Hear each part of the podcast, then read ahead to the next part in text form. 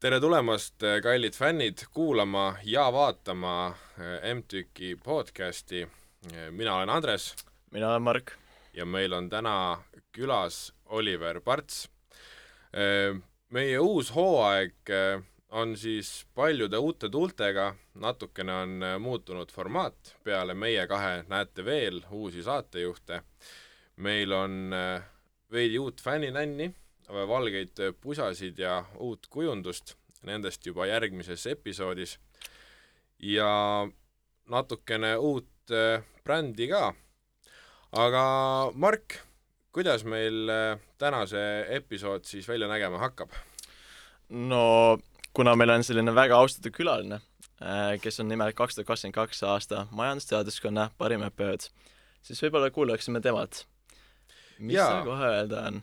Tere, Oliver! tere, Oliver! tervist ja kõigepealt äh, suur tänu äh, kutsumast ja ja pean mainima seda, et äh, see õppeaasta on mõnes mõttes eriline mulle, nimelt minul Tehnikaülikoolis jookseb õpetamises kahekümnes hooaeg. et kolmas, see on siis kaks tuhat kolm augusti lõpus alustasime õpetamist ja kahekümnes hooaeg on siis nii-öelda lõpusirgel, et see on tõesti selline huvitav aeg ja huvitav ajavahemik äh, olnud ja tegelikult äh, võite, üliõpilased, võivad arvata, et üli, õppejõu elu võib olla küllaltki igav, aga tegelikult üksluine see kohe kindlasti ei ole. No väga kena kuulda, siis võib öelda juba, et te olete justkui selle maja veteran mõnes mõttes, ma kujutan ette, et liiga palju neid äh, sellise pika kogemusega inimesi siin äh, majas ilmselt ei ole ja kui on, siis on väga hea äh, selliseid äh, ühes kohas kogenud inimesi see nagu koos, koos võtta, see on, see on nagu väga äge. ma olen kooli pealt kuulnud, et te olete turundusega sina peal, mis värk sellega on? jah, et mida te täpsemalt selle küsimuse all mõtlete, et sina peal kindlasti, muidu ma seda ei õpetaks? no vot, täpselt, minu õppekavas seda ainet ei ole. Äh, küll aga minu omas on ja ma olen noh, selles suhtes raamatud väga-väga hea, väga hea aine äh,, muidugi tänu teile kuna Aitäh. on hästi palju sellist ähm, sisurohkust, te olete väga avatud üliõpilastele äh,, kuulate nende küsimusi äh,, vastate neile, isegi kui nad veidi võib-olla äh, vastavad sellise äh, ütleme nii, et natukene mööda, siis ikkagi proovite kuidagi neid õigele rajale viia ja see on väga lahe äh, teie puhul. no eks see ongi selles mõttes ju ka oluline, et ülikool ongi ju selle jaoks, et äh, õppida ja ma üritangi nii-öelda oma vastustega suunata ja see nii-öelda õige õpetamine näebki välja niimoodi, et kui vähegi võimalik, et õppejõud ei ütle seda õiget vastust ette, vaid äh, õppejõud peaks nagu suunama üliõpilasi nii kaugele, kui nad saavad ise nagu aru, mis see õige vastus on ja tulevad selle peale ise. Ehk et äh, ära anna inimesele kala, anna talle õng, siis on tal elu lõpuni kõht täis. Ja noh, see tegelikult, äh, kui, kui selline õpetamine oleks ka valdav, muidugi ma ei tea, võib-olla ka on, et äh, siis nagu selles mõttes see peaks andma ka parema ettevalmistuse üleüldse kas siis läbilöömiseks äris ähm,, avalikus sektoris või kus iganes seda parajasti nii-öelda vaja on, et see nagu selles mõttes peaks nagu inimese panema ka nagu mõtlema, et aga, aga kui see asi nagu ei tööta, et aga kuidas ma jõuaks järgmise asjani ja leiaks sellise meetodi, mis töötaks ja mida mul oleks sellega ka midagi peale hakata kas selline õpetamisstiil on teil olnud alati või on see ajaga arenenud selliseks? ma arvan, et see on ikkagi ajaga arenenud, kuigi ma olen üritanud ka seda alguses, aga eks mul on ka olnud ka erinevaid koolitusi, millest kindlasti üks suuremaid ja olulisemaid, mida mainida, on kaks tuhat neliteist olnud Sloveenias Zeeman IMTA koolitus, mis oli siis Zeeman International Teachers Academy eh, koolitus, kus eh, õpetati väga erinevaid õpetamismeetodeid, ka kaasuste õpetamist ja erinevaid asju et see oli nagu, see oli nagu Harvardi stiilis nii-öelda, neil on ka sellel mm, Blade School of Managementil, kes Seemani kaudu teeb, on ka see vastav litsents ostetud, et nad Harvardi meetodil saavad seda nii-öelda õpetada ja üle maailma käivad inimesed sellel koolitusel aga kuidas selline asi välja näeb, et kui teid näiteks saadetakse kuskile koolitusele mm, -hmm. noh, ma kujutan ette, et terve kooli õppejõudu ei ole sinna võimalik saata, kas või kuidas või kui palju on teil võimalik teiste õppejõududega oma uusi teadmisi jagada?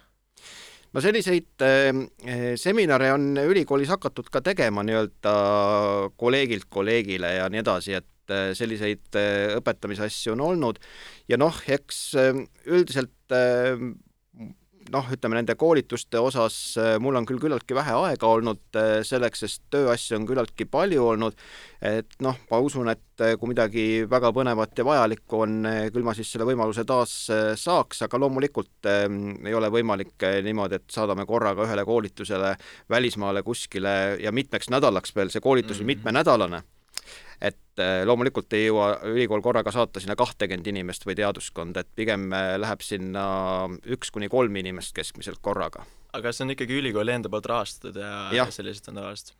ikka, ikka. ei, suurepärane. väga äge äh, ma siin poole sõnaga mainisin ka, et meil see brändi pool uueneb mm, -hmm. aga kas teie olete ka mõne ettevõtte brändingus kaasa löönud ja, ja kui jah, siis äh, äkki räägite sellest meile natuke? ei, ei ole kaasa löönud äh, küll, aga millega ma olen nagu noh, äris ma olen tegelenud äh, sellises ettevõttes, mis tänaseks on kadunuke. et see oli nii-öelda Mulla tänaval asunud mööblimaja ja ma olen tegelenud jaekaubanduse ja eelkõige siis sellise nii-öelda siis hankijatega suhtlemise ja samuti siis nii-öelda väljapanekute nii-öelda jälgimisega ja siis muidugi kaubanduses, muide, kas te teate, mis on kõige suurem probleem kaubanduses? miks toode ei müü? äkki pakutakse vale lahendust kliendile, ei lähtuta kliendi vajadusest väga? no see võib olla üks võimalus, aga on palju hullem ja igapäevasem ja täiesti praktiline teema see ei ole seotud kuidagi toote hinna või omadustega, ma kujutan ette? ei ole jah mm. -hmm. ei tea. tegelikult mina peaks teadma, kuna ma olen selle kursuse läbi käinud mm.. vot ma ei mäleta, kas ma see, see aasta sellest rääkisin või ei rääkinud, mul ei tule praegu ette. vahest ma olen öelnud. võib-olla valgustate meid? jah, kindlasti, see ei ole üldse probleem. nimelt äh, seda kaupa ei ole kunagi välja pandudki. see on laos loomulikult klient ei saa seda osta ja seda enam, eks ole, kui ma seal nii-öelda mööblimajas toimetasin, see oli üle mitmekümne aasta tagasi, et siis mingisuguseid e-poode polnud ju olemas või olid Eestis esimesed mõned väga üksikud e-poed. nii et selles mõttes oligi siis ju nii, et eh, kui kaupa väljas ei ole, siis see ei müü mitte kuskil ja siis oligi, et eh, nii-öelda kaubandusdirektor ütles, et kuule, uuri seda asja, et siin on mingisugune väga veider värk, et Hispaaniast meil on kolmsada lauda juba neli nädalat sees ja mitte ükski laud pole müünud, et eh, mis on kuskile imeliku kapi taha pandud või kus kohas see on. tuli välja, et see ei olegi välja pandud üldse. ja, ja nii naljakas kui ka ei ole, mul on väga palju eh, tuttavaid ka nii-öelda toidukaupade jaekaubandusega, kes igapäevaselt tegelevad, või on siis ka nii-öelda hankijad, kes pakuvad oma tooteid nii-öelda müüki. isegi toidukaupade puhul ja kiiresti riknevate toodete juures on probleem, et äh, kaup rikneb ära, sest seda ei ole kunagi välja pandud muidugi see jaekaubanduses, mis toitu puudutab, seal on muidugi probleemiks väga äh, madal töö tasustamine, väga kehvad töötingimused ja noh, töötajatel ei ole lihtsalt motivatsiooni üldse oma tööd teha isegi elementaarseid tööülesandeid. ehk siis, kui äh, alama astme juht ei anna konkreetselt ülesandeid ette, siis need ülesanded jäävad tegemata väga suure tõenäosusega. jah, ja, ja, ja kui ta nagu selles mõttes ei kontrolli.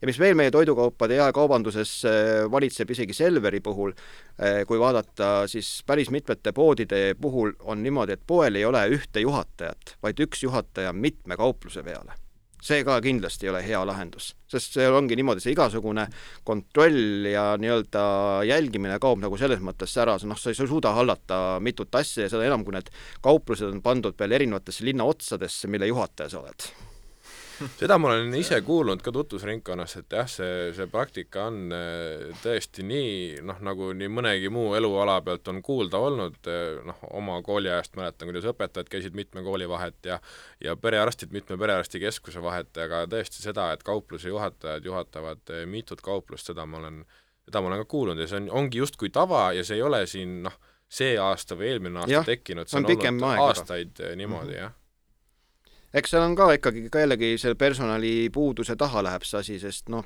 eks tõenäoliselt ma neid eh, kaupluse juhatajate palgatasemeid väga täpselt ei tea, aga ma siiski kaldun arvama, et ega see palk selle suure vastutuse juures väga kõrge ka ei ole jah, ja tõenäoliselt kui see oleks nii hästi tasustatud, et äh, ühe koha peal ongi okei okay olla, siis ilmselt inimene ei läheks seda teist kauplust juhatama, ma kujutan ette mm. -hmm. no muidugi sellega ma kardan seda, et äh, antud töötajal tõenäoliselt ei olnud ka väga eriti valida, sellepärast et tal lihtsalt pandi fakti ette, et kuule, võta see pood ka veel see on võimalus jaa, et pannakse justkui niimoodi, et muidu sa kaotad oma praeguse koha ka, kui sa seda uut ei võta ja jah, et see oht on täitsa olemas nii et kõigile nendele meie podcasti kuulajatele, kui teil on äh, plaan saada mõne kaubandusketi personalijuhiks või tippjuhiks, et siis äh, võtke ennast kokku ja pange see struktuur äh, niimoodi paika, et see oleks kuidagi loogiline. muide, kuulajatest ka äh,, äh, vaadates siis statistikat, siis Spotify ja Apple podcasti kuulajate põhjal alaealised meid ei kuula ja kõige mm suurem grupp äh, üle seitsmekümne protsendi on siis vanuses kakskümmend kolm kuni kolmkümmend neli. Mhm. noh, see ongi enam-vähem niisugune üliõpilaste iga. No, et ütleme niimoodi, magist-, võivad seal magistrandid ka olla, kes kuulavad, kas vilistlasi on ka kuulajate hulgas, kas see läks kuskile sellisesse listi ka? Äh, no see kindlasti ringleb, me oleme päris palju ka eelnevalt pannud äh, rõhku sellele, et äh, jõuaks võimalikult kaugele meie mm -hmm. podcasti kuulavus aga see aasta ka, ma arvan, äh, meie üks põhilisi eesmärke on äh, veel laiendada seda, äh, kindlasti võtta Facebook Ads abiks ja, ja erinevaid abivahendeid mm, -hmm. millega saame paremaks teha. mis te ise soovitaksite veel juurde? no kindlasti, kindlasti no muidugi noortel inimestel on Instagram väga oluline kanal kindlasti. No selles mõttes võib-olla isegi TikTok, aga TikTokis vist on nagu rohkem see videode keskkond, et seal nagu ei saa nagu neid nii väga nagu selles mõttes vist neid äh, saadete reklaame vist väga panna vist. või siis ainult äh. nagu tasuliselt vist. Aga muidugi see mõte, mis ma ütlesin ka, et, äh, et seda võite muidugi üle vaadata, et äh, see võiks nagu nende vilistlaste gruppidesse nii-öelda ka minna, see saade, et ma arvan, et eriti kui on nagu sellised pikaaegsemad õppejõud, kui te neid näiteks informeerite, siis ma arvan, et nii mõningad neist võib-olla kuulaksid ka vilistlased ja kindlasti ka teie ja kolleegid, kes on olnud ja, ja tahavad veel kuulda rohkem, et eh, mis on siin vahepeal juhtunud ja kes pole ammu saanud. ja võib-olla pakuvad huvi ka näiteks ka uuemad inimesed, kes pole neid õpetanud, et siis nagu saavad nagu, nagu teada, et mis ülikoolis vahepeal edasi arenenud on no vot, ongi meile siin ka paras õppimise kogemus, et kui on mm. nagu selline pädev turundusinimene meile podcast'i sattunud, siis siis tuleb enda kasuks tööle panna see asi kindlasti. nipid, nipid just. ja muidugi kõige rohkem kanaleid teate isegi teie minust veel paremini, sellepärast et eh, mida üliõpilased kõige enam eh, jälgivad ja kõige enam kasutavad, et, et ja kuna me ise oleme ka üliõpilased, siis me, siis me teame aga kuidas oma brändi peaks rajama, kuidas see siis nii-öelda õpikutarkuse järgi käima peaks? oma bränd eh, ikka niimoodi, et midagi üleöö ei sünni, ei sünni, sellepärast et seda, neid emotsioone ja neid asju tuleb ikka teha, et siin ongi, et see küsimus, et millega siis nagu äh, lüüa, et see peabki olema mingisugune emotsioon. et see on nii-öelda, selle tootele tuleb äh, lisada mingisugune emotsioon või on siis sellel tootel mingisugune väga eriline disain näiteks, mis tekitab tõelise emotsiooni näiteks üks majandusteaduskonna vilistlane on loonud sellise korraliku ja ägeda firma, kes on ka minu üliõpilane olnud, ja tema ettevõtte nimi on Estelon ja see ettevõte toodab äh, kõlareid ja need toodab neid selliseid stuudiokõlareid. ja selle eripära on see, et need äh, kõlarite hinnad algavad kuskilt viieteist tuhandest eurost ja kõige suuremad turud on seal eelkõige Hiina ja Ameerika turg, et see ongi nii-öelda see disain ongi see element, mis näiteks selle kõlari puhul tekitab sellise emotsiooni, et inimesed tahavad seda nii-öelda saada ja mis kõige olulisem veel sinna juurde, on see, et ka inimesed on nõus selle eest maksma nii-öelda siis nii-öelda lisaraha, sest noh, mhm. oleme ausad, iga kõlari eest viisteist tuhat teil maksma ei hakata. jah, loomulikult ja see just seesama emotsiooni pool, seda ma Äh, tahtsin natukene rõhutada ka, et olen isegi teinud seda viga, et jäänud liiga kinni mingisugustesse näiteks tehnilistesse näitajatesse või kuidagi sellisesse liigsesse ratsionaalsusesse mingisuguse toote või teenuse põhjal, kui tegelikult äh, väga paljusid asju ikkagi müübki kas emotsioon või siis see, et asi on mingisugune terviklahendus. et see üks konkreetne toode või üks konkreetne teenus on tore küll, aga see peab olema otsast lõpuni terviklahendus ikkagi. Jah, täiesti nõus. Ja noh, näiteks riiete ostmise juures ma ei saa ka öelda, et mul on mingisugune üks konkreetne bränd tähtis ja ma ostan mingit kindlat brändi. on küll jaa, erinevaid äh, brändirõivaid, aga ne ongi kuidagi, need bränditooted, mida mina ostan, satuvad ikkagi ka kooskõlas selle mugavuse ja praktilisusega. Mm.. et see, mis on nagu niisugune hästi mõnus ja hea, no näiteks äh, tänane jakk, mis mul seljas on, on selle poolest ka bränditoode, aga ta on selle poolest eriline, et ma ei ole ostnud seda brändi pärast ja tegelikult see bränd, mis mul täna seljas on, on tegelikult rohkem naiste bränd. ta toodab peamiselt naistele riideid. oskate arvata, mis bränd see olla võiks? uh,? väga hea küsimus. mina olen väga riiete võõras inimene. et ütlen vihjeks nii palju, et selle brändi peale naised on äh, hullud maailmas. ka Eesti naised küllaltki. on see mõni luksusbränd? No sinnapoole, aga ta nüüd midagi, ma ütleks, hinnataseme poolest ta nüüd kõige luksuslikum ei ole, aga noh, teda võib ikkagi mõnes mõttes sinna Eesti oludes küll liigitada. mujal maailmas ta mm. pigem ei ole, ütleme nii. tõesti ei oska arvata? Michael Kors okei kuulnud olen no,. ma olen rohkem nende kelladest kuulnud või mm -hmm. jah, just, rohkem selle poolt. Aga ma nüüd äh, alles hiljuti uurisin äh, Tallinna Kaubamaja äh, bränditoodete valikut ja siis ma märkasin seda, et Michael Kors on Tallinna Kaubamaja sortimendist meeste puhul välja läinud. aga teie enda lemmik, mis, mis on täielik lemmik, mis on siiamaani, mille kõige rohkem olete ostnud? ma ei oska isegi öelda, et kas ma olen nüüd midagi võib-olla triiksärkidest sand. aga üleüldiselt, kui te peaksite välja tooma paar-kolm näidet heast brändist ja võib-olla on mõni kehva brändi näide ka? no ja. mina ütleks, kehv bränd on Bolt, millega enamus nõus ei ole, ma tean seda juba ette. nii, no väga äge hot take, aga miks? sellepärast, et äh, minul, minul, see on mitmel põhjusel, sellepärast et eh, esiteks Bolt üritab kõikidest Eestis kehtivatest seadudest, seadustest ümber hiilida, siis eh, kindlasti muidugi noh, jah, et eks ole, välismaalastel on ka tööd vaja, aga, aga mina, mina võin teile öelda, et mina ei ole Bolti kunagi kasutanud. isegi taksona ka mitte. ja praegu ma nagu ei näe, et ma nagu kasutama hakata tahaks ka, et eh, seal ütleme, ütleme niimoodi, et et eh, noh, need, eh, mis ma kuulnud olen, siis need välismaalastest nii-öelda juhid eh, tihtipeale linnas ei orienteeru ja kes on nagu mu enda tuttavatest tellinud, siis põhimõtteliselt mõnda kullerit on tulnud kakskümmend minutit telefoni teel juhendada, kuidas tema juurde sõita ja linnas, mitte kuskil maakolkas. ja siis, mis seal veel oli, üks mõte oli mul veel sellega seonduvalt aga noh, ma arvangi, et see ongi nii, aa, ja muidugi see, et noh, ja kui ma näiteks restoranist telliks Boltiga, siis ausalt öeldes mina ei taha küll seda rattaga läbi loksutatud toitu sööma hakata jah, eks ta ongi, et, et kellele mis, et tõesti selle äh, eine kujundus läheb seal väga tõenäoliselt äh, kaotsi selle, selle teekonna peal. aga jah, ütleme, et neid skandaale on ja, ja kes on äh, kes on sellega kuidagi ligemalt seotud olnud või mingist noh, konkreetselt selle kohta otsib, siis, siis neid selliseid lahkhelisid ja, ja nende noh, kuidas, ma ei teagi, kuidas korrektne nimetada on, sest otseselt töötajad on neil kontoris, eks ole, need, kes ja. autosid juhivad, ei ole otseselt nende töötajad, on nad koostööpartnerid või on nad alltöövõtjad, aga igatahes neid lahkhelisid on, on isegi nagu noh, kuni meediani välja jõudnud, et selle, selles mõttes tõesti ma saan aru sellest, sellest vaatenurgast jah, et see võib-olla aga ma ütlen nii palju siia vahele, et äh, väga vabandan, kui mõni vilistlane kuulub ja kes on nii-öelda Boltis tööl, et äh, nii-öelda seal kontori poole peal, et ma tean, et vähemalt üks mu endu, enda endine juhendatav näiteks on äh, Bolt Foodi turundusjuht. ahah, nii, aga, aga mõni näide heast brändist näiteks?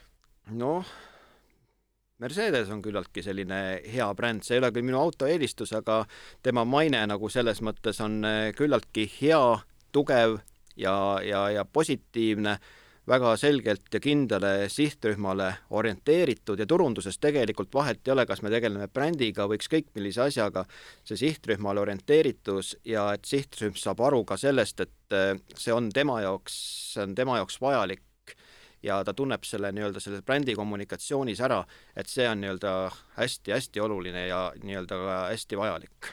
aga ka mingi Eesti ettevõte, mis on niimoodi siin arenenud ja mida saaksite tuua heaks näiteks? heaks näiteks, no Tallinna Kaubamaja võiks ütelda. et selles mõttes ta on ka nagu kunagine loosung oli neil alati põhjust tulla ja tegel-, tegelikult ka, kuigi noh, ütleme, et toidumaailm mulle enam nii väga ei istu võrreldes sellega, mis ta vanasti oli, aga aga üldiselt äh, pean ikkagi riiete valikut ja kodukaupade valikut Tallinna Kaubamajas ikkagi küllaltki heaks. Mm,, kvaliteet on ka üldiselt hea ja on näha, et seda sortimenti mõeldakse nagu selles mõttes ka väga hästi nii-öelda läbi et see on nagu ka väga oluline, et muidugi ka jällegi erinevad sihtrühmad ja nii edasi, ja muidugi ma loodan, et nüüd äh, koroona ja siis need energiahinnad, mis kõrged on, ei ole neid kaubamaja uusi plaane muutnud, mis on juba siin neli-viis aastat vanad, ikkagi see tulevik ja kui võimsaks on äh, kavas Tallinna Kaubamaja arendada ja pinna poolest ja täiesti uue hoone lahendused ja nii edasi. tegelikult ma ei kahtle selles, ma arvan, et see on teostatav ja tegelikult eh, kaubamajal on läinud nendes koroonaaegades ja energiakriisis tegelikult suhteliselt hästi, loomulikult ka neil on läinud eh, need müüginumbrid ja finantsnäitajad mõnevõrra tagasi, aga ikkagi, kui me võtame võrdluseks siia enamikke teisi Eesti ettevõtteid, siis enamik ikkagi väikestest tagasilöökidest ei räägi kas selle põhjalt võib siis arvata, et kui olukord stabiliseerub, et siis Tallinna Kaubamajal võib hakata veel paremini minema? ja kindlasti, et äh, ma täiesti usun seda ja, ja samas ega isegi Selveri segmendis pole midagi nii-öelda oluliselt kehvemuse poole läinud, et et muigi noh, muidugi jah, et hüpermarketite ja supermarketite puhul kõigil on praegu megakäibekasv, et see, seda me ei saa rääkida, aga see on kõik inflatsioonist ja see kasumlikkus on tegelikult see põhinäitaja, mis praegu näitab, et kuidas see asi nii-öelda tegelikult läheb, et pigem ma mõtlengi nii-öelda seda kasumlikkuse poolt, millega nagu erilisi probleeme ka eh, nii-öelda Selveril hetkel ei ole, et hästi, aga tulles tagasi selle eelmise brändi näite juurde, et siis eh, jällegi, mina teie tunnis ei ole käinud, küll aga ma olen rääkinud teiste tudengitega ja paistab, et eh, te panete tegudesse seda, mida te räägite, sest te olete ka nii-öelda nagu õppejõudude Mercedes väga väga tudengite Oi, poole, tudengite poole näoga ja, ja päris siiralt on, on teid nagu kiidetud, aga, aga kuidas, kuidas on nii, et teil on seda tahtmist ja jaksu eh, kakskümmend aastat vabalt suhelda, dialoogi elus hoida ja olla tudengite poole näoga? see on hea küsimus, et eh, kindlasti mm, rahulolevad üliõpilased ja lisaks ka motiveeritud üliõpilased kindlasti on see pisik, mis nakatab seda tööd eh, jätkuvalt tegema ka edaspidi. et see on kindlasti olnud nagu see ja teiseks küljest ma olen nagu mõelnud ka eh, väga selle peale, et ma ei tea, kas Mark on tähele pannud, aga igatahes õpetamises tegelikult ma parajasti õpetan, ma kasutan ka turundusvõtteid.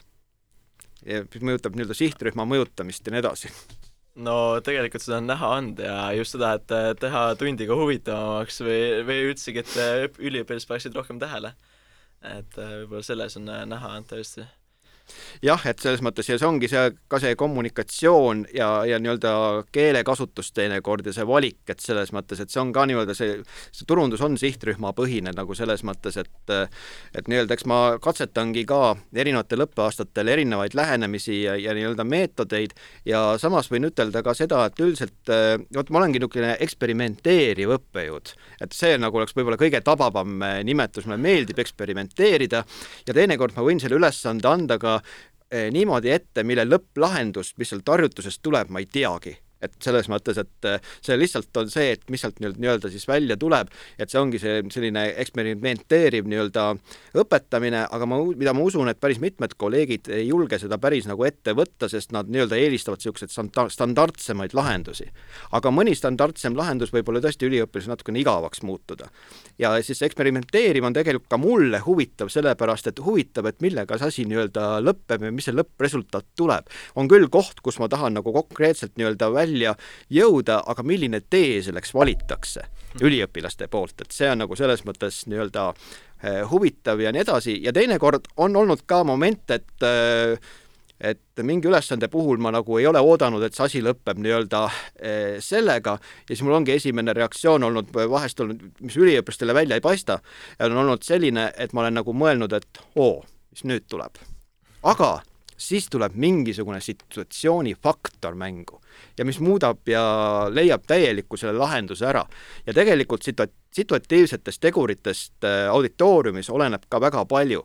näiteks äh, mitte ükski asi tegelikkuses ei ole mul läinud loengus või harjutuses päris täpselt nii, nagu ma olen arvanud vaid enamasti, vähemalt minu puhul on töötanud see minule kasuks, et see on läinud veel paremini välja arvatud mõned üksikud korrad, kus mõni asi on läinud nagu selles mõttes kuidagi situatiivsest tegurist kuidagi paigast nagu selles mõttes mõnevõrra ära, aga see ei ole eriti välja paistnud, aga ma ise olen lihtsalt tundnud, et oi, et täna see lahendus nagu kõige parem nagu selles mõttes ei olnud, et aga noh, okei okay,, et oma põhiteadmised ja või õpiväljundid said nad ikkagi kätte, et see oli nagu kõige olulisem ja põhilisem no ma mäletan neid praktikumitunde, kus olid erinevad rühmatööd ja need olid alati huvitavad, neid oli tõesti väga lahe teha ja mm -hmm. ja see andis sellist, no esiteks veel esinemine, kuidas sa seda toodet teistele jagad, mis siis ise oled teinud või mida sa pead siis nagu rääkima. Äh, ja kõik see oli selline väga huvitav kogemus aga mul tegelikult on küsimus ka selle kohta, et te olete väga humoorikas inimene. Mm.. kõik, kõik sellised äh, äh etteastega auditooriumites äh, äh,, kus olete olnud äh, kas siis äh, noh, ütleme nii, et äh, päkapiku rollis või, või jõuluvana rollis, et äh, kuidas te neid kommenteerite, kuidas te olete selline humoorikas inimene? ei oskagi, ei oskagi seda öelda võib-olla, eh, võib-olla ütleme ka niimoodi, et eh, tegelikult, üt-, tegelikult ega ma päris täpselt ei ole ka aru saanud, sellepärast et teinekord ma ei pea üldse midagi tegema. ja ma ei ole isegi suud lahti teinud ja ma ei näe isegi teistmoodi välja ja kõik üliõpilased juba naeravad. või isegi plaksutavad et isegi selliseid situatsioone on nii-öelda ette tulnud, aga üks asi, mis eh, on, et ma, eks ma olengi oma loomult eh, selline, sest eh, nii palju, kui mul on vanemad rääkinud ja nii edasi ja ma ka ise mäletan, väikse lapsena ma olin juba piisavalt humoorikas, sellepärast et ma ise, ise ei saanud mitte midagi aru, aga kõik kogu aeg naersid selle peale, mida ma ütlesin väga see, hea omadus. jah, et see on nagu huvitav, aga teile, teil mõlemal vist õppejõud Kristjan Liivamägi veel õpetanud vist ei ole vist teid? mind on, mina olen käinud eraisiku rahanduse tunnis ja, ja mm -hmm. Kristjan Liivamägi tunde olen kuulanud, ka väga hea õppejõud mm. -hmm. aga küsingi nagu sellise küsimuse teie käest, ma Margi käest muidugi ka, aga, aga teie käest kõige enam, et aga mis te arvate, mis seos võiks olla minul ja Kristjan Liivamäel, et miks meie tihtipeale tunduvad üliõpilast, et meie oleme huvitavad, et mis see tegelik põhjus võiks olla? milles seisneda võiks? no kui ma kuulan seda, kuidas teie räägite oma alast ja kui ma olen kuulnud seda, kuidas Kristjan Liivamägi räägib, ma olen ka tema tehtud podcast'i kuulanud mm, -hmm. Raha reede, me, meie fännid võiksid ka seda ilmselt äh, kuulata, päris huvitav äh, tundub, et see eriala, mis te olete valinud või see, millega te tegelete, läheb teile siiralt korda mm. -hmm. ja, ja seda on väga raske nii-öelda võltsida, seda, seda ei saa näidelda väga pikalt ja väga sisuliselt. täiesti nõus. aga jah, mul oligi selline küsimus, et ma olen täiesti nõus teie versiooniga, aga ütleks äh, siia enda poolt, et äh, vot üks eriline asi on, et noh, nendele andmetele te tõenäoliselt ligi ei pääse et eh, millal erinevad õppejõud sündinud on ja kes nad tähtkujult on. nimelt ma ei oska kõikide kolleegide osas öelda ja siis ma selles mõttes vabandan nende kolleegide ees, kelle nii-öelda sünnidaatumeid ma ei tea täpselt, aga minul ja samuti Kristjan Liivamäel võib selleks olla sünnijärgne eelsoodumus ja kui võtta aluseks tähtkuju, nimelt eh, nii mina kui tema oleme kaksikute tähemärgis äh, sündinud, meil on ka muide järjestikustel päevadel sünnipäevad. ja, ja kaksikute tähtkuju esindajad võivad olla suurepärased õpetajad, suurepärased õppejõud, äh, suurepärased muusikud, suurepärased äh, lauljad või suurepärased ajakirjanikud. et kaksikute tähemärgi esindajaid nendes valdkondades kõige enam töötab ja ma täiesti usun, et kui ma ei oleks õppejõud, siis ma suure tõenäosusega oleks kas näitleja või ajakirjanik. väga huvitav, ei ole selle peale jah, mõelnud, ei olnud isegi kursis sellega, et see nii on. aga kui ma kas või oma vanemate peale mõtlen, siis jah, mingi korrelatsioon siin kindlasti on. et ütleme niimoodi, et selle, sellest nüüd üldse ainult ka ei olene, selles mõttes seal on muid värki ka, et aga see lihtsalt on see, et sellel võib olla niisugune eelsoodumus. no loomulikult, et peab olema, peab olema neid teadmisi, mida edasi anda, aga jah, see iseloom, iseloom on kindlasti väga oluline ja noh kõik teie, kes te siis oma suurtes ambitsioonides hakkate haridusasutust püsti panema või otsite niisama juhendajaid oma ettevõttesse kas või, et pange siis tähele inimese iseloomu, tul-, tulgu see siis tähtkujust või millestki muust. Jah, ja ütleme veel niimoodi, et noh, ütleme selle kaksikute tähtkuju kohta räägitakse ju seda ka, et oi jumal, mis need kaksikud on, et täiesti kunagi ei tea, mis sealt tulemas on, et seal on kaks inimest ühes nii-öelda peidus, et vot ei tea, et milline tema tuju nüüd tänasel päeval on, et milline see mina täna domineerib, et et noh, siin ongi nii-öelda väga erinevaid asju, mida nagu välja tuuakse. aga kui me oleme rääkinud nüüd äh, argipäevast, äh, siis tahaksime küsida teilt, et milline teie meelest näeb välja üks korralik hea nädalavahetus? korralik hea nädalavahetus, mm, mis aasta ajal, aasta läbi või millal? no tooge erinevaid näiteid. okei okay.. võtame järjest. no suvi, suvel ikkagi meeldib eh, teha üks korralik jalgrattatiir ja mis siis nii-öelda õhtul loomulikult siis lõpeks sellise grillimisega ja, ja, ja eeldusel ka, et ilus ilm on ja enam-vähem äh, soe, mitte pluss kuus, vaid ikka oh, pluss kakskümmend. jah, elame me ju ometigi riigis, kus jaanipäeval ja jõuludel võib olla üsna ühtemoodi ilm. ja jalgrattatiiru juures siis äh, pigem ma eelistan jalgrattatiire alates, äh, no enam-vähem mitte ainult alates, vaid enam-vähem selline distants ongi viiskümmend kilomeetrit et ma tavaliselt ei viitsi jalgratast välja võtta väiksemate maade puhul ja ja pigem mulle meeldib nii-öelda linnast välja sõita ja nautida siis nii-öelda mm, elu, et Pääsklast Keilasse näiteks minna, tulebki viiskümmend kilomeetrit täis ilusti edasi-tagasi. või näiteks Põhja-Tallinnast äh, sõita Tammneeme, tuleb ka umbes analoogne distants, viiskümmend kilomeetrit. muidugi seal Põhja-Tallinna ja siis selle Mm, Tammneeme vahel muidugi on, osa on ju ka li, nii-öelda linna läbivat teed, see on muidugi natuke ebamugav ja see nii-öelda nii väga ei meeldi, aga aga niisugune äh, rattasõit äh, tu-, tuur on täitsa hea ja selline ja, ja selline grillimine, aga muidugi aga muidugi ütleme niimoodi, niisugune mõnus nädalavahetuse päev, ütleme näiteks praegusel ajal, võiks äh, näiteks olla see, et kindlasti muusika nautimine kodus see mulle väga meeldib. ja ma olen kindlasti väga teistmoodi inimene, kui on teie mõtted, teie kindlasti niimoodi tarbijakäitumise poolest ei ole. nimelt äh, mul on äh, umbes kuskil peaaegu viissada kolmkümmend CD-plaati ja miks mul nad CD-plaadina on, ma tean küll, internetis on igasugused Spotify'd ja igasugused muud kohad olemas, on selles, et ma eelistan kuulata ka muusikat äh, kohtades, kus ei ole internetti. Et äh, see on nagu see asi ja slovee-, sloveenikeelsete CD-plaatide osakaal on mul seal saja viiekümne plaadi ümber sellest viiesaja kahekümnest umbes. aga kuidas te neid selles mõttes siis omal äh, nagu jaotate või, või organiseerite, et noh, kui mul on nagu kolm CD-plaati, siis mul ei ole raske õiget CD-plaati õigel hetkel üles leida, aga kui mul on üle viiesaja CD-plaadi, et siis kuidas mm, -hmm. kuidas te nagu õigel hetkel just selle õiget CD üles leiate? Eh, mul on oma süsteem nagu selles mõttes eh, pandud ja tegelikult seal ei olegi nagu eriti, eriti süsteemi, see ongi selline süsteem, mida ainult mina jagan.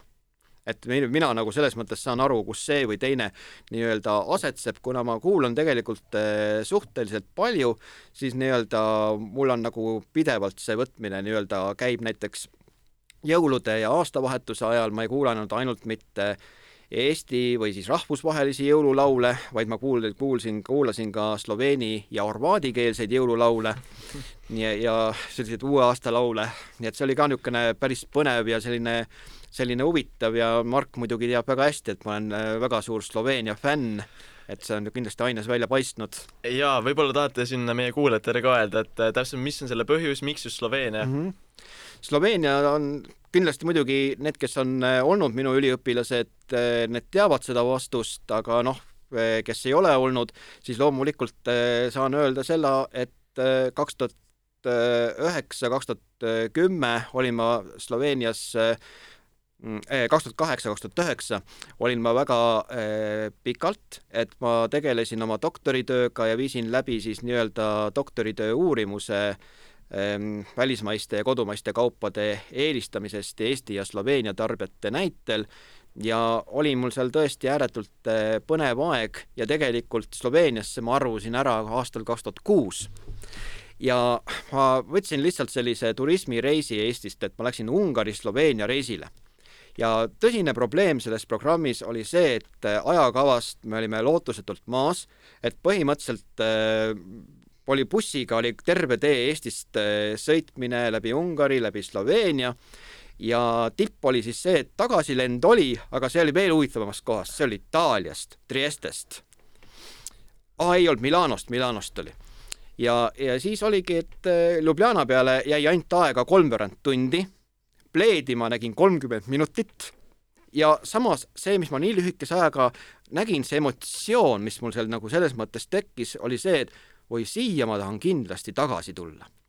ja, ja siis oligi, et äh, ma doktoriõppes juba õppisin, aastal kaks tuhat viis astusin doktoriõppesse ja siis, äh, siis ma mõtlesingi, et, äh, et tahaks nagu oma doktoritööle ka kaasjuhendajat saada ja te pigem nagu äh, teaduskonnas seda väga julgustati ja väga soovitati, et äh, ka mainekates ülikoolides, no Tehnikaülikool on ka mainekas kahtlemata, aga veel mainekamates ülikoolides äh, on see täiesti tavaline, et kui välismaa ülikoolist on ka tihtipeale doktoritööl kaasjuhendaja ja nii edasi. ja siis ma mõtlesin ja kaalusingi erinevaid alternatiive, esiteks, et keda millisest riigist millist juhendajat nagu endale juhendajaks siis paluda ja mul tekkiski nii-öelda seal mitmeid, kolm-neli varianti tekkis, Ameerika puhul ma tõstsin kohe kaks kätt üles, sest et ma vaatasin, et oi, mina ei jõua neid läbi töödelda, neid äh, toredaid professoreid, neid oli nii palju, kes seda teemat uurivad, ja siis mul jäigi sõelale nii-öelda Sloveenia, ma hakkasin Sloveeniat ka spetsiaalselt otsima selle järgi, et kas kedagi Sloveeniast võiks leida.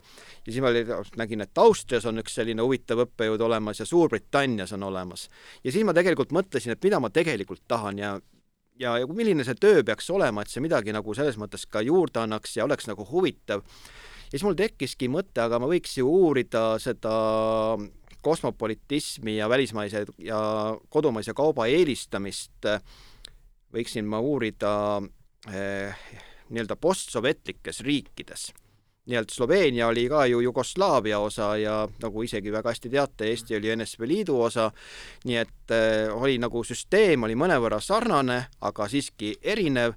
Ja mis veel oli nagu oluline, et see teine rahvus ei oleks äh, kultuuriliselt väga sarnane, et ta oleks nii-öelda pigem erinev et see oli nagu see mõte, miks ma nii-öelda äh, sellise, hmm, sellise nii-öelda otsuse siis tegin ja ja minu positiivseks üllatuseks oli see, et äh, mu sloveenlasest juhendajal professor Irena Vidal äh, kuigi esialgu tundus, et ei ole asi paljutõotav, aga ma saatsin talle palju materjale ka, et mida ma seni nagu teinud olen ja kes ma nii-öelda üldse olen ja nii edasi, et alguses mingi kippu ega kõppu, täielik haudvaikus mitte midagi sealt ei tulnud ja läks kolm nädalat läks mööda ja, ja see, mis sealt nüüd tuli, oli mulle ääretult positiivne ja üllatav.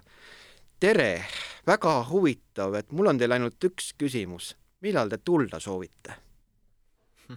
nii et siis see kolm nädalat läks võib-olla nende materjalide läbitöötamiseks hoopis? jah, ja teiseks ma tean ka, kui hõivatud ta on.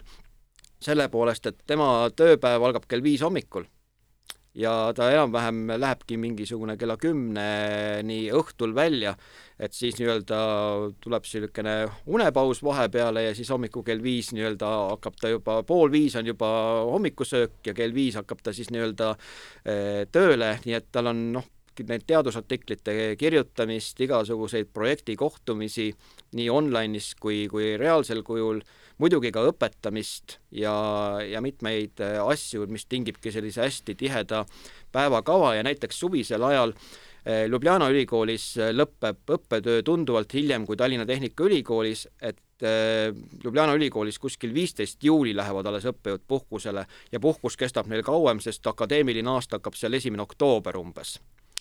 Ja, ja siis on olnud selliseid situatsioone, kuigi tal on veel tööaeg, et ma jõuan sinna juuli alguses, enne kui ma hakkan minema, me omavahel suhtleme ja siis ma kirjutangi, et ma tulen kaheks nädalaks äh, Sloveeniasse ja et äh, kas mõni nendest kuupäevadest on ka sobilik, siis täiesti tavaline juhtum on see, et selles kahenädalases perioodis on ainult üks ainuke päev, mis talle sobib. sest ta on nii palju lennus lihtsalt kogu aeg ja igal pool. ja muidugi seda lendamist ja seda rahvusvahelist elu suurendab tal ka prantslasest abikaasa, sest tal on nii-öelda kaks kodu ka, et ta nii-öelda elab vahetevahel ka Prantsusmaal. küll, küllale liiga ei tee. aga eh, kuidas te selle Sloveenia enda jaoks selles mõttes avastasite, et millest need positiivsed emotsioonid tulid e,? ütleme eelkõige see loodus, see, mis nii-öelda ümbritses, ma ei saa öelda ka, et Eestis nii-öelda vilets loodus on, aga seal on muidugi seda, mida meil üldiselt ei ole Alpid ja puha, no kui Sloveenile ütled, et me, meil on siin mägi ja kolmsada kaheksateist meetrit, siis noh, mõeldakse selle, mis küngas see on nii et eh, ikkagi see loodus ja muidugi ka sloveenid rahvusena ise. et selles mõttes eh, nad on selles mõttes ülitoredad, ülisõbralikud, hästi avatud, aga kui sa ütled seda keskmisele Sloveenile, et Sloveen on avatud inimene, siis nad ei usu sind sest nemad ütlevad selle peale, et mis asja, mis Sloveenia sa näinud oled. et selles mõttes, et äh, ameeriklased on avatud. Nojah, ameeriklased on tõesti avatumad võrreldes sloveenidega, aga kui me räägime siin näiteks keskmisest eestlasest või keskmisest briti inimesest, siis kindla peale Sloveen on ikka tunduvalt avatum, hästi külalislahke. Nii et selles mõttes ja nendega juba tõesti igav ei hakka ja siis äh, kõige huvitavam asi oli, ma arvan, et see oli vist ka aastal kaks tuhat neliteist, äh, mis minuga Sloveenias oli, et turistid hakkasid mind sloveeniks pidama selle peale selles mõttes, et oi, ja siis ma küsisin ka huvi pärast, et äh, aga miks te arvasite, et, et ma nii-öelda kohalik olen? Te näete nii keskmise Sloveeni moodi välja see on päris hea aga tegelikult eh, miks veel on, on see ka, et tegelikult kui paned sloveeni või eestlase kõrvuti või ka soomlase, ei tee vahet, mis rahvusest need inimesed on. välja arvatud võib-olla, kui seal tõesti mingisugune midagi väga teistmoodi on, et siis võib-olla tundub, et on keegi teine, aga üldiselt ei ole, et eh, Sloveen näeb täiesti sellise skandinaavialiku inimesena nii-öelda välja ja kuigi nad on slaavi rahvus, siis nende osas on nagu see ka, et neil ei ole niisugust äh, naistel, mis eriti silma paistab, selline venepärane make-up ja soengud. Seda näiteks ei ole, näiteks lähete Tšehhi, seal nagu selles mõttes täiesti niisugune naistel sellised venepärased soengud, venepärane make-up, aga Sloveenias seda ei ole. Ja no sloveenid on ka lõunaslaavlased, et nad ongi nii-öelda kaugemat sorti slaavlased, keel on muidugi ja see keeletunnetus on nagu selle poolest äh, muidugi slaavi keel, seda kahtlemata, et mu enda vene keele oskus on madal, aga kõige naljakam on äh, see, et nii palju, kui ma vene keelt oskan, siis ma jagan ka sloveeni keelt, sellepärast et osad sõnad on seal kas täpselt samad või nad on niivõrd sarnased, et äh, no näiteks ma võin tuua apteek on sloveeni keeles lekarna, aga vene keeles on niisugune nimetus lekarstva ehk ravim et selles mõttes seal on nagu selliseid huvitavaid sarnasusi. ja muidugi, kui minna Sloveeniast Horvaatiasse, siis tundub see pilt veel palju arusaadavam, selle poolest, et eh, siis on sloveeni ja horvaadi keeles on tihtipeale mingi ühe tähe erinevus on väga paljudes sõnades, et kui sa juba sloveeni keelt jagad, siis sa saad juba horvaadi keeles ka aru, et aa, see on nüüd see koht. Ja muidugi nende hääldus on natukene teistsugusem võrreldes sellega, kuidas sloveenid hääldavad. Ja muidugi sloveeni ja horvaadi keel kuuluvad ka ühte keelkonda, aga nad on ikkagi tunduvalt sarnasemad võrreldes sellega, mis on eesti keel ja mis on ungari keel kuigi eesti ja ungari keel on nagu ühes keelerühmas, aga eestlane läheb Ungarisse ja vaatab ja minestab ära seal, eh, vaadates, issand jumal, kui ropud inimesed need ungarlased on. ja, ja perse, perse, perse, perse. aga mida tähendab perse ungari keeles, teate? ei tea. loomulikult. No vot, no vot, need on need keele erinevused. jah, nii et selles mõttes sugulaskeel aga, aga muidu ütleks ju niimoodi, et tegelikult äh, ungari keel tegelikult ei tundu ju üldse eesti keelega sarnane.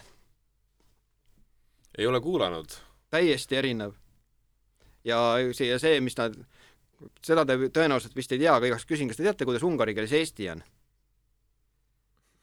sõnatüvi ei, ei ole sama siis ma eeldan? ei ole ja. Est-Forsag. et EST on alguses ja siis tuleb Forsag. Est-Forsag väga huvitav. saabki siin targemaks no jaa, kordades, kordades tuled siin. uskumatu, tee ainult suured silmad pähe ja imesta nii, aga, aga eh, saite oma doktoritöö seal siis eh, tehtud? Tehnikaülikoolis siis kaitsesin jah, ja, ja, aga selles mõttes, et, et see, et see, selle doktoritöö tegemine oli väga tugevalt siis Sloveeniaga seotud. jah, see oli siis nii-öelda nii, Eestis uurisin Eesti tarbijaid, kaheksa lehekülge oli mu uuringu ankeet pikk ja sama pikk ankeet oli siis ka Sloveenias. ja see vahe oli, et Slo-, Sloveenias oli ainult sloveenikeelne ankeet ja Eestis oli mõlemas keeles, nii eesti kui vene keeles, sest meil on nii-öelda see venekeelne elanikkond ikkagi küllaltki arvestatav sihtrühm äh, kogu nii-öelda rahvastikus, aga Sloveenias ei ole sellist äh, vähemusrahvust, kes oleks rahvastikus domineeriv. kümme protsenti on see vähemusrahvuste osakaal Sloveenias ja need jagunevad väga killustatud vähemusrahvuste vahel, nii et see kümme protsenti jaguneb seal itaallasteks, austerlasteks äh,, Ungari inimesteks, veel siis paljudeks nendeks endisteks Jugoslaavia rahvusteks, nii et see on nagu tõesti niisugune hästi laia ampluaaga, et sealt nagu lihtsalt mingit efekti ei anna see, et sa hakkad seal nagu uurima, aga mis muidugi kurvaks Sloveenia puhul teeb, et väga paljud suuremad ettevõtted on läinud horvaatide kätte Sloveenias.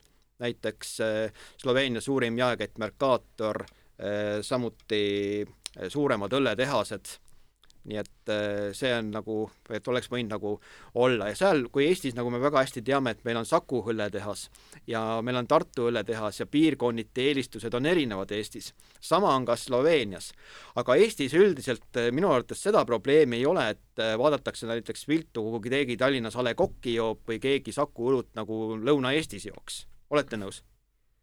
nojah, suures pildis mitte, võib-olla mõne sellise pilkava torke sa saad kellegi käest, aga jah, see, see ei ole nagu konflikti alus kindlasti mitte. et ütleme, et mujal, mujal Sloveenias nagu niivõrd ei ole, aga Ljubljanas nagu niisugune mentaliteet on, et seal on nagu kaks konkureerivat õllebrändi, millel nüüd on ka veel üks omanik, et on Union ja Laško ja Unioni on see, mida rüüvatakse siis peamiselt Ljubljanas ja siis eelkõige kõige peamises Korenska regioonis, kus on kõige suurem osa nendest Sloveenia alpidest. ja, ja siis muu piirkond joob seda Laško õlut ja siis Ljubljanas nii-öelda inimesed seal vaatavad, et see on mingi maakas või, mis sa Laškost jood? õige inimene joob Ljubljanas Unioni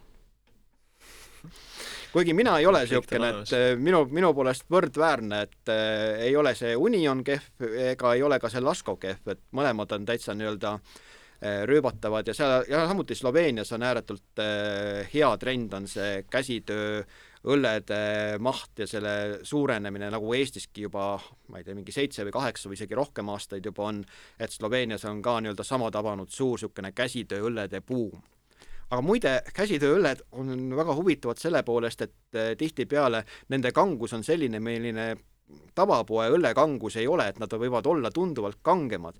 nii et Eestis parmud tahaksid kõige rohkem seda kõige kangemat käsitööõlut. aga see ei ole kättesaadav, kallis on noh, eks eh, nemad eh, ilmselt valdavad ka seda neljatehet väga hästi ja siis võib-olla toimub seal selline noh, jagamistehe siis alkoholiprotsendi ja liitri hinna vahel võib-olla no kindlasti käib ja ikka see kaheliitrine plastpudel peab olema et isegi nüüd on ju Lidl need sortimenti Eestis võtnud kaheliitrised pudelid. vot millest kõigest teada saab, ei ole ise sinnapoole isegi vaadanud mitte. no ütleme niimoodi, et äh, mina nagu Lidli püsikäija ei ole, et ma olen mõned äh, korrad käinud ja ütlen tegelikult, et mina olen Eesti Lidlist täiesti pettunud.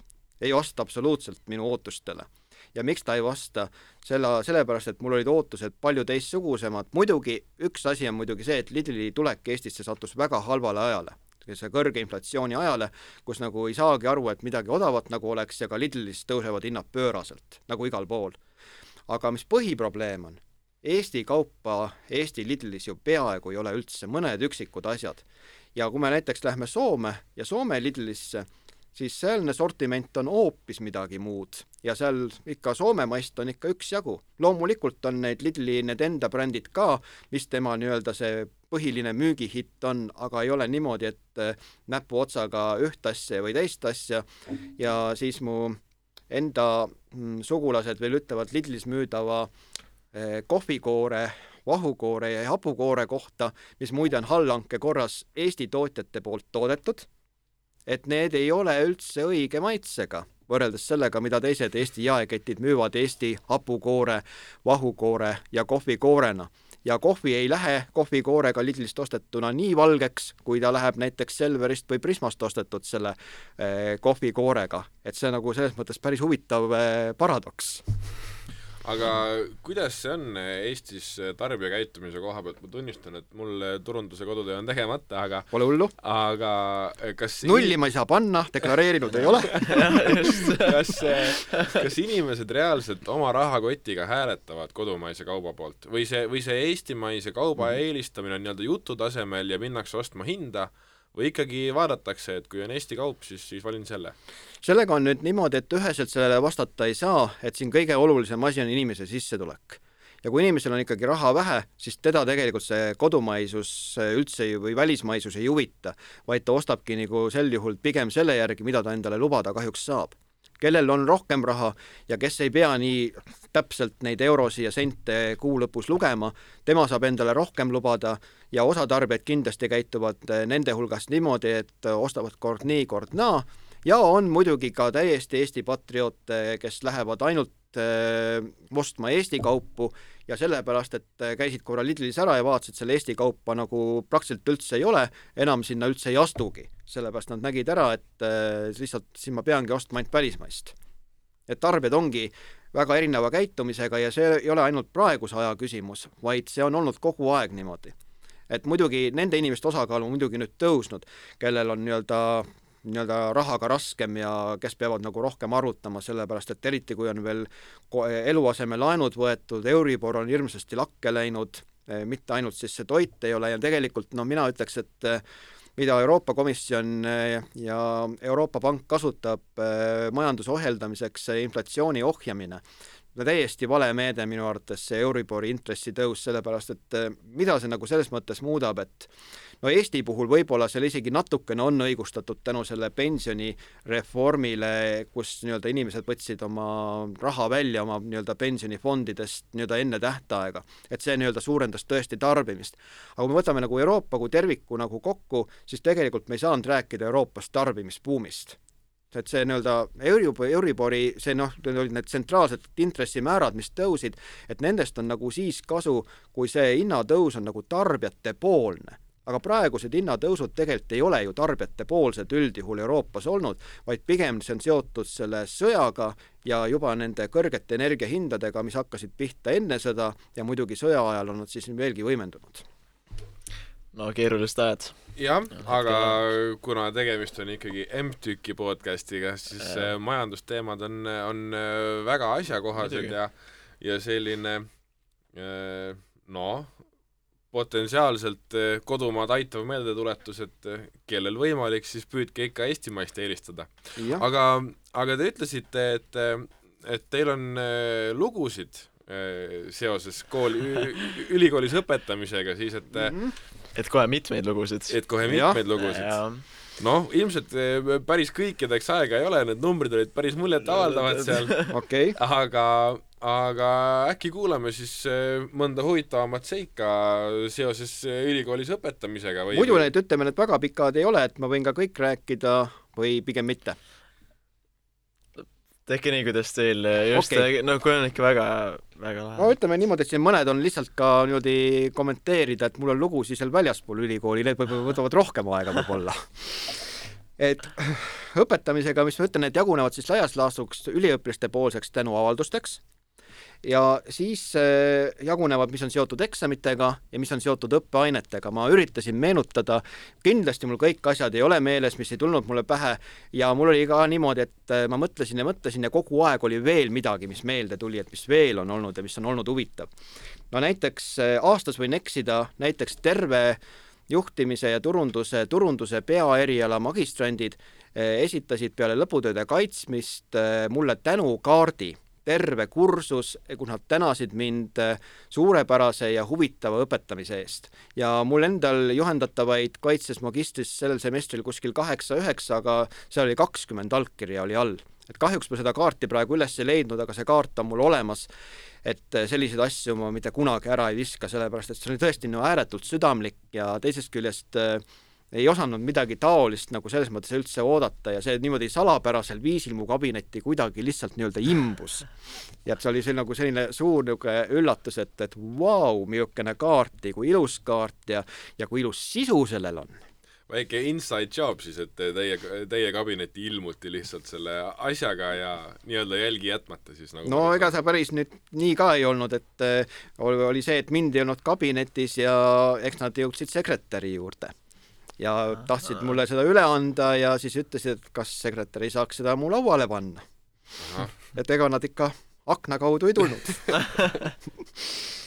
Nonii, siis aasta oli kaks tuhat kaheksateist, oli üks väga eriline juhtum ja ma arvan, et neid juhtumeid ülikoolis vist ikka kohtab väga harva.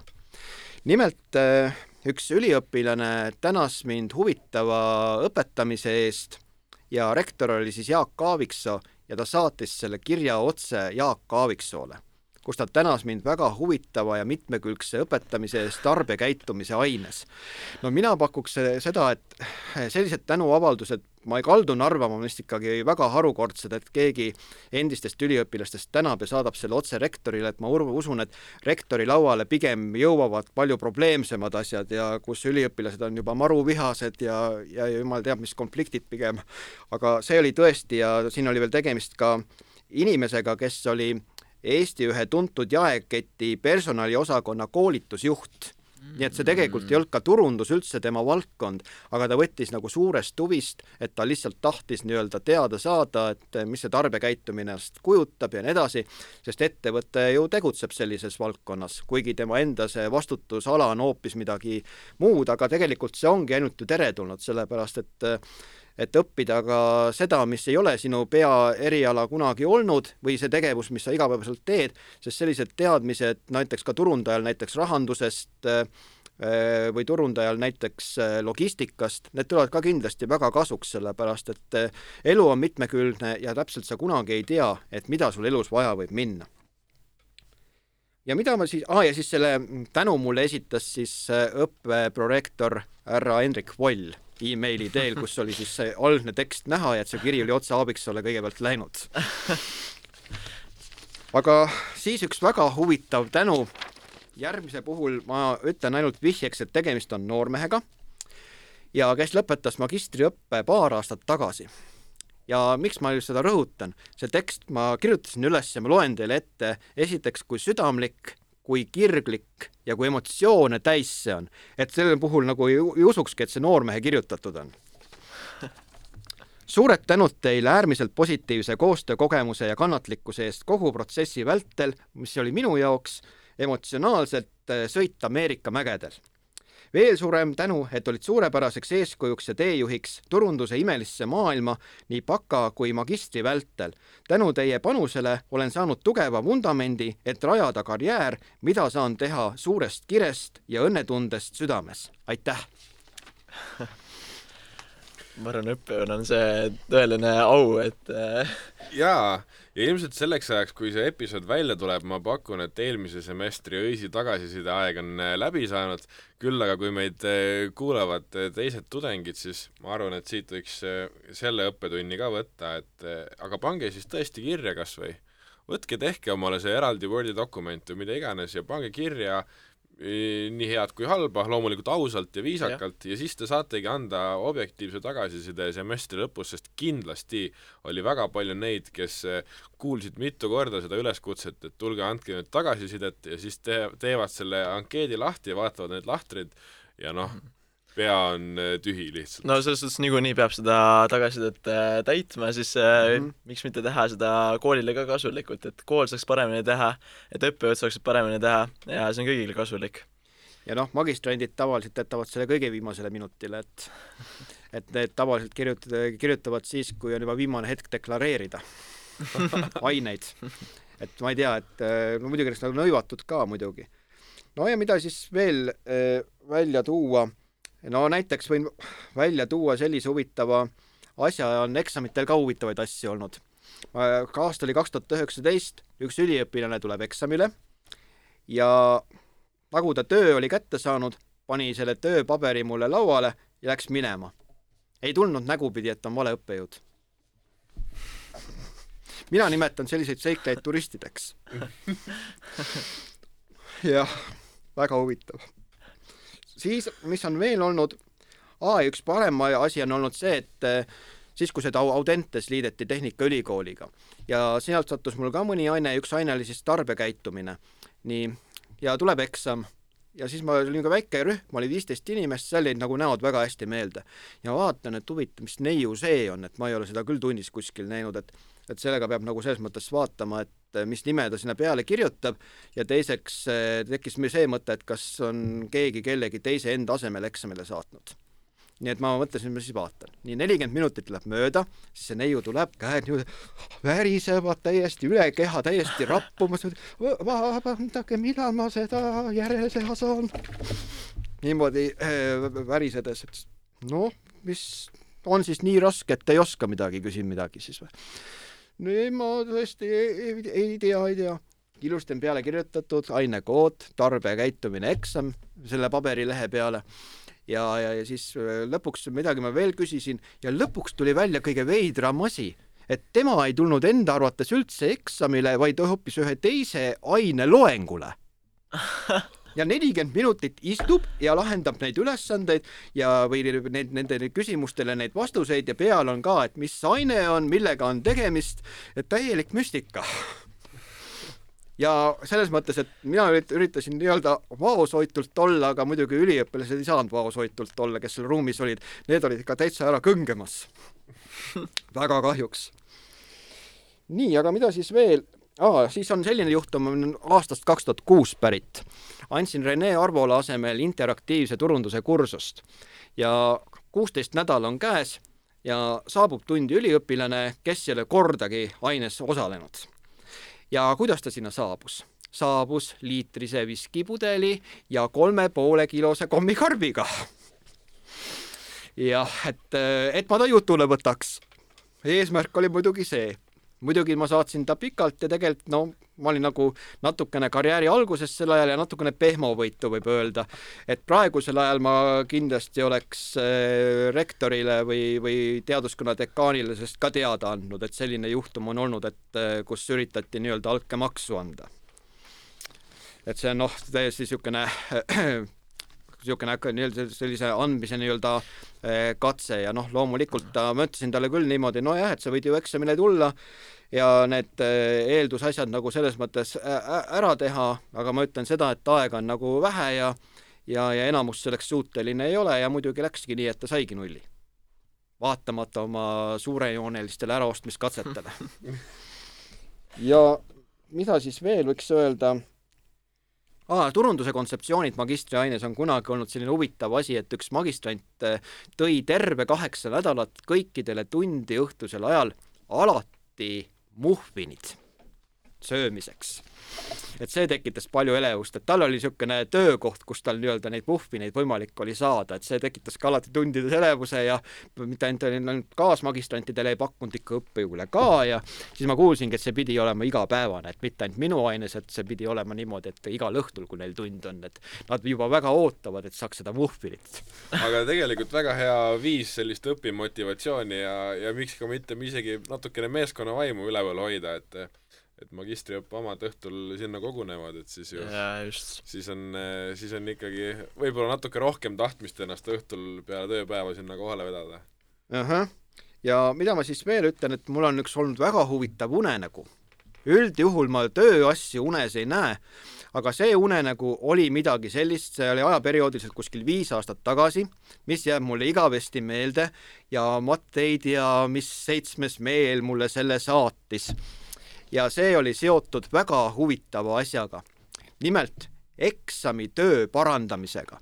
nimelt tule nagu rahulikult, eks ole, magan ja korraga ma hakkan unes nägema, et eh, no näitas niimoodi seda eksami auditooriumit, näitas ka korraks mulle see uni, siis ta näitas seda eksamilehe peal üliõpilase nime, mis läks hästi suureks, isegi matriklikood oli näha unenäos. ja siis keeras see unenägu kohe mitu lehekülge eksamitöös edasi ja siis lõi ühe koha mulle lahti, kus ta hästi karjuvalt mulle unenägu näitas, siin on selle koha peal jäänud äh, kolm punkti panemata. ja hommiku ma ärkasin üles, ma nagu ei tahtnud seda uskuda. ja see oligi tõsi.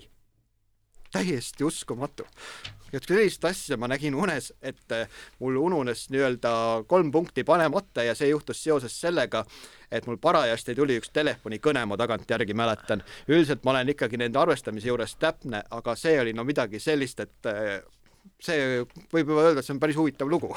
kas sellest muutusid ainult punktid või muutus hinne ka? muutus hinne ka et äh, ma ei olnud nii-öelda selles mõttes jõudnud veel äh, seda õisis veel ära kinnitada, et mul olid Exceli tabelis alles need tulemused, sest ma vist alles kell kaksteist õhtul umbes kuskil nende parandamistega lõpetasin ja ma vaatasin, et ma täna selle õisis möllama enam ei hakka, et aga see üliõpilane ei saanudki sellest äh, teada, aga see oli mulle päris huvitav ja sai siis loomulikult, üks hinne oli siis kõrgem, teinekord jah, võib ka väike nüanss muuta lõpphinnet ja, ja mul on muidugi hea meel, et selline unenägu tuli, et et ma ei oska öelda, kas ma oleks neid veel üle vaadanud eh, või mitte, muidugi ma neid hindeid tavaliselt vaatan mitu korda üle, aga sel hetkel ma ei olnud jõudnud veel vaadata, sest ma lihtsalt õhtu hilja nendega eh, lõpetasin. Ja siis, kui ma seal Excelis toimetan, siis ma vaatan ka veel mitu korda nagu selles mõttes üle ja siis ma vaatan õisis ka veel mitu korda üle, kas need lõpphinded on ikka nüüd need, mis seal ikkagi olema peavad, et mingisugust vastuolu või segadust kuskil ei oleks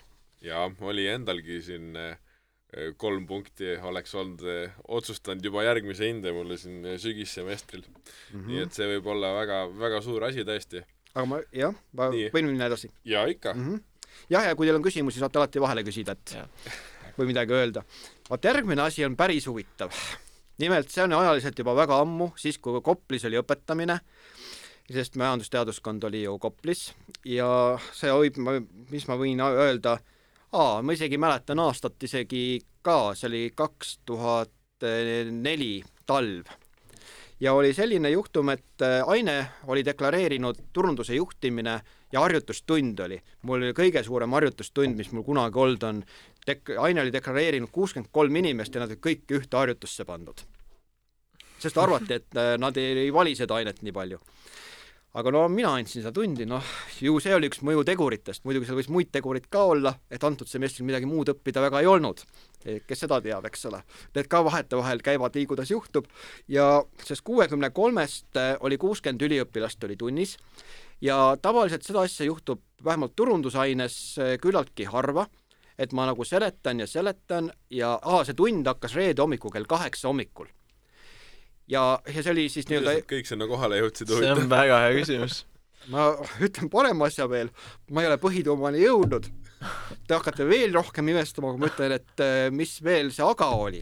ja kui ma selle juhtumi olen ära kirjeldanud ja siis te imestate veel rohkem, et kuidas see üldse võimalik oli ja sellega oli, oli siis niimoodi, et ma seletan ja seletan ja ma näen, et see asi ei jõua absoluutselt kohale ja üliõpilased ei saa aru. isegi ei ole näha seda, et isegi, et üks inimene aru saaks, isegi seda ka ei ole.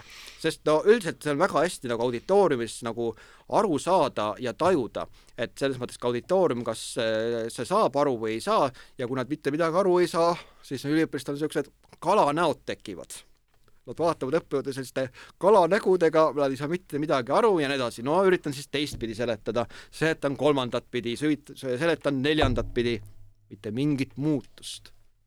õhkkond on täiesti normaalne, aga mitte millestki aru ei saada. ja siin ma jõuan siis nii kaugele, et eh, selle rühmaga, selle luurerühmaga oli aine seni ka väga hästi läinud, et mitte mingisuguseid murekohti või probleeme ei olnud olnud. ja, ja siis ma küsingi, et vabandust, et mul on niisugune tunne, et äh, midagi on täna väga valesti, et kas keegi natuke seletaks mulle seda, et millest te täna aru ei saa või et äh, mis on viltu täna? et kas, äh, kas, kas ma seletan täna väga segaselt või keeruliselt või milles see siis on? kas te olite Mereakadeemia tundi sattunud hoopis? ei, õige koht oli. ja ma ütlesin, seda vooru ma olin juba mitmel korral õpetanud ja, ja siis need olid ehitusteaduskonna tudengid, logistikakava oli siis nii-öelda bakalaureuse tasemel ehitusteaduskonnas, nüüd ta on ärinduse kava peaeriala. ja siis äh, läheb natukene aega mööda ja siis üks noormees tõuseb püsti ja ütleb, et oi, härra õppejõud, me väga vabandame, põhjus kindlasti ei ole teis, ikka meis. nimelt, me tulime täna teie tundi otse, me väga vabandame. me olime ööklubis siis ma, ma ütlesin selle peale, et vau, ma tunnen ennast tõelise vaatamisväärsusena. peale ööklubi hommikul kella kaheksaks tundi oi, oi, oi, oi, oi. ja, ja siis oligi niimoodi, siis ma huvi pärast küsisin, et kui paljud teid seal siis ööklubis käis? kuuskümmend inimest oli kohal tunnis. kuus inimest ei tõstnud kätt aga mul on kohe küsimus Palun. selle kohta, et äh, kas äh, teie jaoks on ka selline vahe, kas siis äh,, kas see meeldib rohkem nagu neljale inimesele või siis näiteks kahekümnele inimesele, kuuekümnele, et mis teie jaoks on kõige sellisem sobivam punt, keda ma arvangi, et kuskil selline kakskümmend kuni kakskümmend viis inimest olekski niisugune kõige parajam äh, rühm, no võib ka niimoodi kaheksateist kuni kakskümmend ka olla no muidugi väiksemad rühmad ei ole ka selles mõttes probleem, siis ta on rohkem niisugune individuaalsem ja noh, ütleme majanduses tavaliselt niimoodi väga väikseid rühmi ei ole, kui just mingisuguseid väga erilisi asju nagu selle taga nii-öelda ei ole, et et aga ütleme niimoodi jah, kakskümmend kuni kakskümmend viis oleks kõige niisugune mõnusam ja parajam. tegelikult kolmekümnesed rühmad ja eriti harjutuses juba läheb natuke probleemseks, sellepärast et et tekib see ajaprobleem ja see, et eh, kuidas see asi nagu ära mahutada sinna pooleteist tunni sisse ja, ja, ja nii edasi, et ja samuti, samuti see, et eh, üliõpilased saaksid eh, võimalikult kõik aktiivsed selle aja jooksul olla. et see on nagu see teema. harjutustunnis on oluline jah, igaüks saaks oma mm -hmm. sõnaga ja noh, eks nendele tudengitele oli kindlasti oluline ka see ühisüritus, kui eh, mindi omavahelisi suhteid tugevdama. aga suhetest rääkides, eh, meil on selline luureinfo ka, et eh, te nimelt viisite läbi ühe eksperimendi oota, ma võib-olla räägiks veel natuke mõningatest asjadest, et eksperiment ka, kui huvitav, siis võime rääkida, aga ja, no, aga hästi. ma arvan, et huvitavam võib-olla äkki see, mis on väljaspool ülikooli ka olnud. Nonii. aga ma räägiks enne veel ühe selle, mis siin peal on kui tohib. hea meelega, muidugi. nüüd on, nüüd on see koht, kus kõik Spotify's kuulavad inimesed peavad kindlasti vahetama kanalit Youtube'i peale selle jaoks, et äh, näha ka pilti siia podcast'i juurde, et mm -hmm kui sa parasjagu teed oma metsajalutuskäiku või, või äh, jõusaalis mingisugust trenni, siis see on, see on nüüd see koht, kus võta Youtube'i osa lahti ja, ja vaata pilti ka mm. -hmm. et ma kõigepealt räägin natuke sissejuhatavalt ja siis kohe näitan. et on niimoodi, et viimased kümme aastat ma ei ole seda teinud, aga ma olen teinud ka kaubanduslikke ostuhulluseid harjutustunnis ja mul oli selline äh, kampaania nagu punktijaht, mis võimaldas üliõpilastel siis päevapakkumisena ja eripakkumisena, mis kestis siis kaks nädalat, saada nii-öelda täiendavaid äh, boonuspunkte ja kus auditoorium oli siis ka niimoodi dekoreeritud nagu selline äh, ostukampaania supermarket. Ja seal oli ka mul kampaania särk seljas, mida ma juba saatejuhtidele enne näitasin. Ja näitan ka siia, et punktijaht ja tagumisel poolel oli siis pandud, et nüüd läheb ralliks no ainuüksi see särk juba tekitas päris suure elavuse ja muidugi siis olid ka, need on lühi, lühimal ajal on olnud kasutusel ka eh, veel ka kindad, nagu siis hull punkt. ja mul olid muidugi siis ka see harjutustunnis boonuspunktide saamine, kuidas see välja nägi. see nägi siis välja siis selline, et see oli nagu viktoriini formaadis ja kes sai siis nii-öelda kõige rohkem punkte, see siis nii-öelda võitis mingisuguse hullu auhinna. auhindadeks oli näiteks äh, kollast värvi tualettpaber ja ruum oli siis ka dekoreeritud hästi niisuguseks äh, kollaseks ja, ja, ja nii edasi. ja, ja küsimused olid tehtud mul sellised, et neid ei ole nagu selles mõttes kuskilt internetist äh, otse nagu neid vastuseid nagu võtta, et selle peale tuli mõelda või siis umbes panna, sellepärast et osa küsimusi oli ka, ka selliseid ja üliõpilaste loovus üllatas selle asja juures mind ikka väga Nad helistasid Stockmanni infotelefonile, et vabandust, et eh, sellel sügisel mitmendad hullud päevad teil olid ja igasugused sellised küsimused, üliõpilased mulle noh, ise rääkisid, et kuidas nad asju nii-öelda lahendasid. ja siis ükskord, mis juhtus, oli ääretult huvitav nende punktijahtse kampaania tunnis mul olid veel postrid olid ka veel erinevate pakkumistega nii-öelda auditooriumi seintele veel nii-öelda selles mõttes pandud ja nii edasi. ja kõige üks huvitav asi, mis, mm, eh, eh, mis ükskord siis äh, juhtus, oli see, et mis see siis oli aa, üks asi on see, et äh, see oli, vot see oli teie eriala eelkäija, ma andsin tollel ajal ka avaliku sektori majanduse inimestele turundust. Ja nemad tegid mulle vastu kingituse, kus oli hullude päevade kott, eriti lahedalt hullude erinevate auhindadega, et seal olid ka igasugused šampoonid ja tualettpaberid ja jumal teab mis asjad, et et selles mõttes see oli nagu niivõrd lahe ja see oli niivõrd lihtsalt eh, niivõrd eh, uskumatu ja samas, mida magistrandid, energeetika magistrandid näiteks tegid eh, selle hullude Eh, päevade tunnis oma auhinnaga, mida nad said selle viktoriini raames selle tualettpaberiga. oo jaa, see tund jääb kõigile eluks meelde, kes selles tunnis kohal olid, sest seal olid ka veel keemia ja materjalitehnoloogia pakad ka veel tunnis, sest see oli niisugune ühendatud rühm oli mm -hmm. selles aines nimelt energeetika magistrandid viskasid selle tualettpaberi lahti üle auditooriumi lampide, need olid niisugused rippuvad lambid, mis olid trosside küljes, nii et seal tekkis nii-öelda lisaatraktsioon või dekoratsioon, nii et see auditoorium nägi tõesti äge välja, et mul on isegi need pildid veel kuskil ka äh, olemas, et mis nagu selles mõttes juhtunud on aa, ja mul tuli see meelde, mis ma enne ära unustasin nende hullude päevade juures, et äh, oli see, et äh, üks eriti huvitav asi oli, et ma ei mäleta, kas see oli esimest või teist aastat, kui ma seda ülesannet tegin, siis alguses öeldes ma olin kimbatuses ja segaduses, et ma ei teadnud, et mis nüüd sest nüüd välja tuleb, sellepärast et ma andsin ülesande kätte, selle nii-öelda päevapakkumise ülesande, kakskümmend minutit on aega nende küsimuste-vastuste saamiseks ja mis siis juhtus? terve auditoorium pani joostes tunnist minema mitte ühtegi inimest, ühtegi üliõpilast tundi ei jäänud. mina mõtlesin, et jumal, kas see ülesanne oli nii sitt, et kõik läksid minema ei olnud. nimelt, nad läksid vastuseid otsima. kes läks raamatukokku, kes kuskile infotelefonile helistama ja nad tulid kõik õigeks ajaks tagasi, siis kui see kakskümmend minutit oli nii-öelda siis täis tiksunud. nii et see oli nagu selle poolest tõesti päris huvitav, aga teisest küljest mida õppejõud mõelda võib, kui terve auditoorium minema jookseb?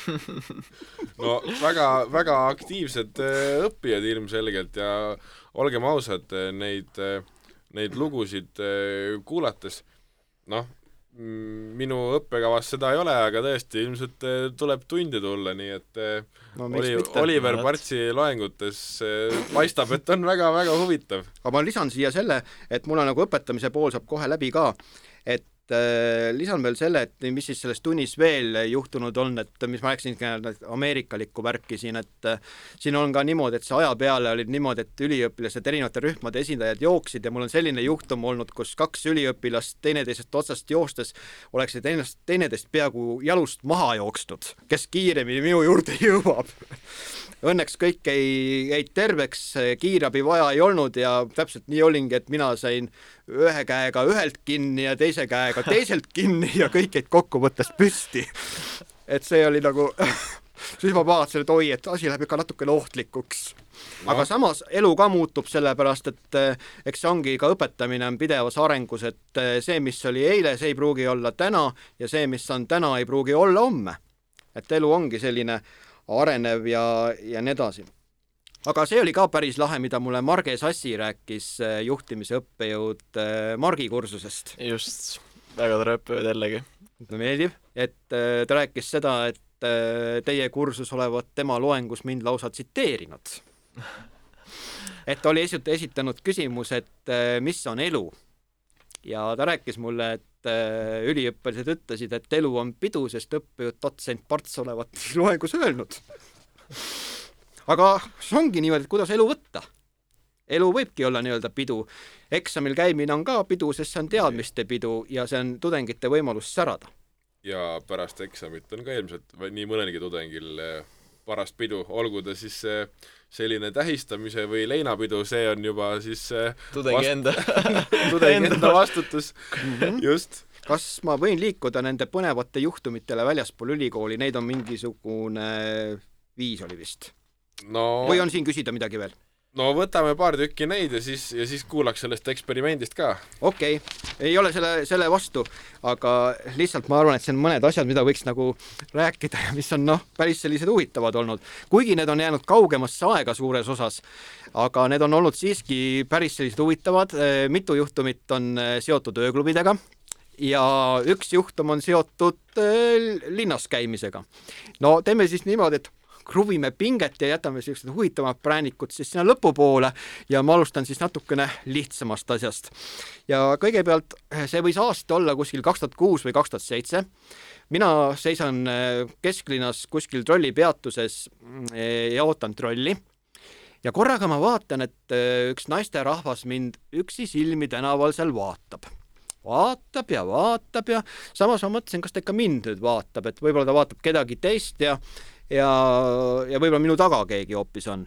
ja siis ma keerasin nagu selles mõttes nagu pilgu ära, jäin siis omaette mõttesse ja siis ma korraga vaatan, et see, see naine nii-öelda tuleb ja ta tuleb nii-öelda, nii-öelda hakkab nagu minust nagu mööduma, siis ma mõtlesin, noh, läheb mööda, eks ole. aga mis toimus? see nagu, hakkaks nagu mööda minema ja korraga võtab mu vasaku käe randmest kinni. ja siis ta nii-öelda ja vaatab mulle niimoodi otsa ja vaatab ja vaatab ja ja siis ta ütleb, et Te olete nii tuttav. ma olen teid kuskil näinud, aga mulle mitte ei meenu, kus. oi, ärge öelge, ärge öelge.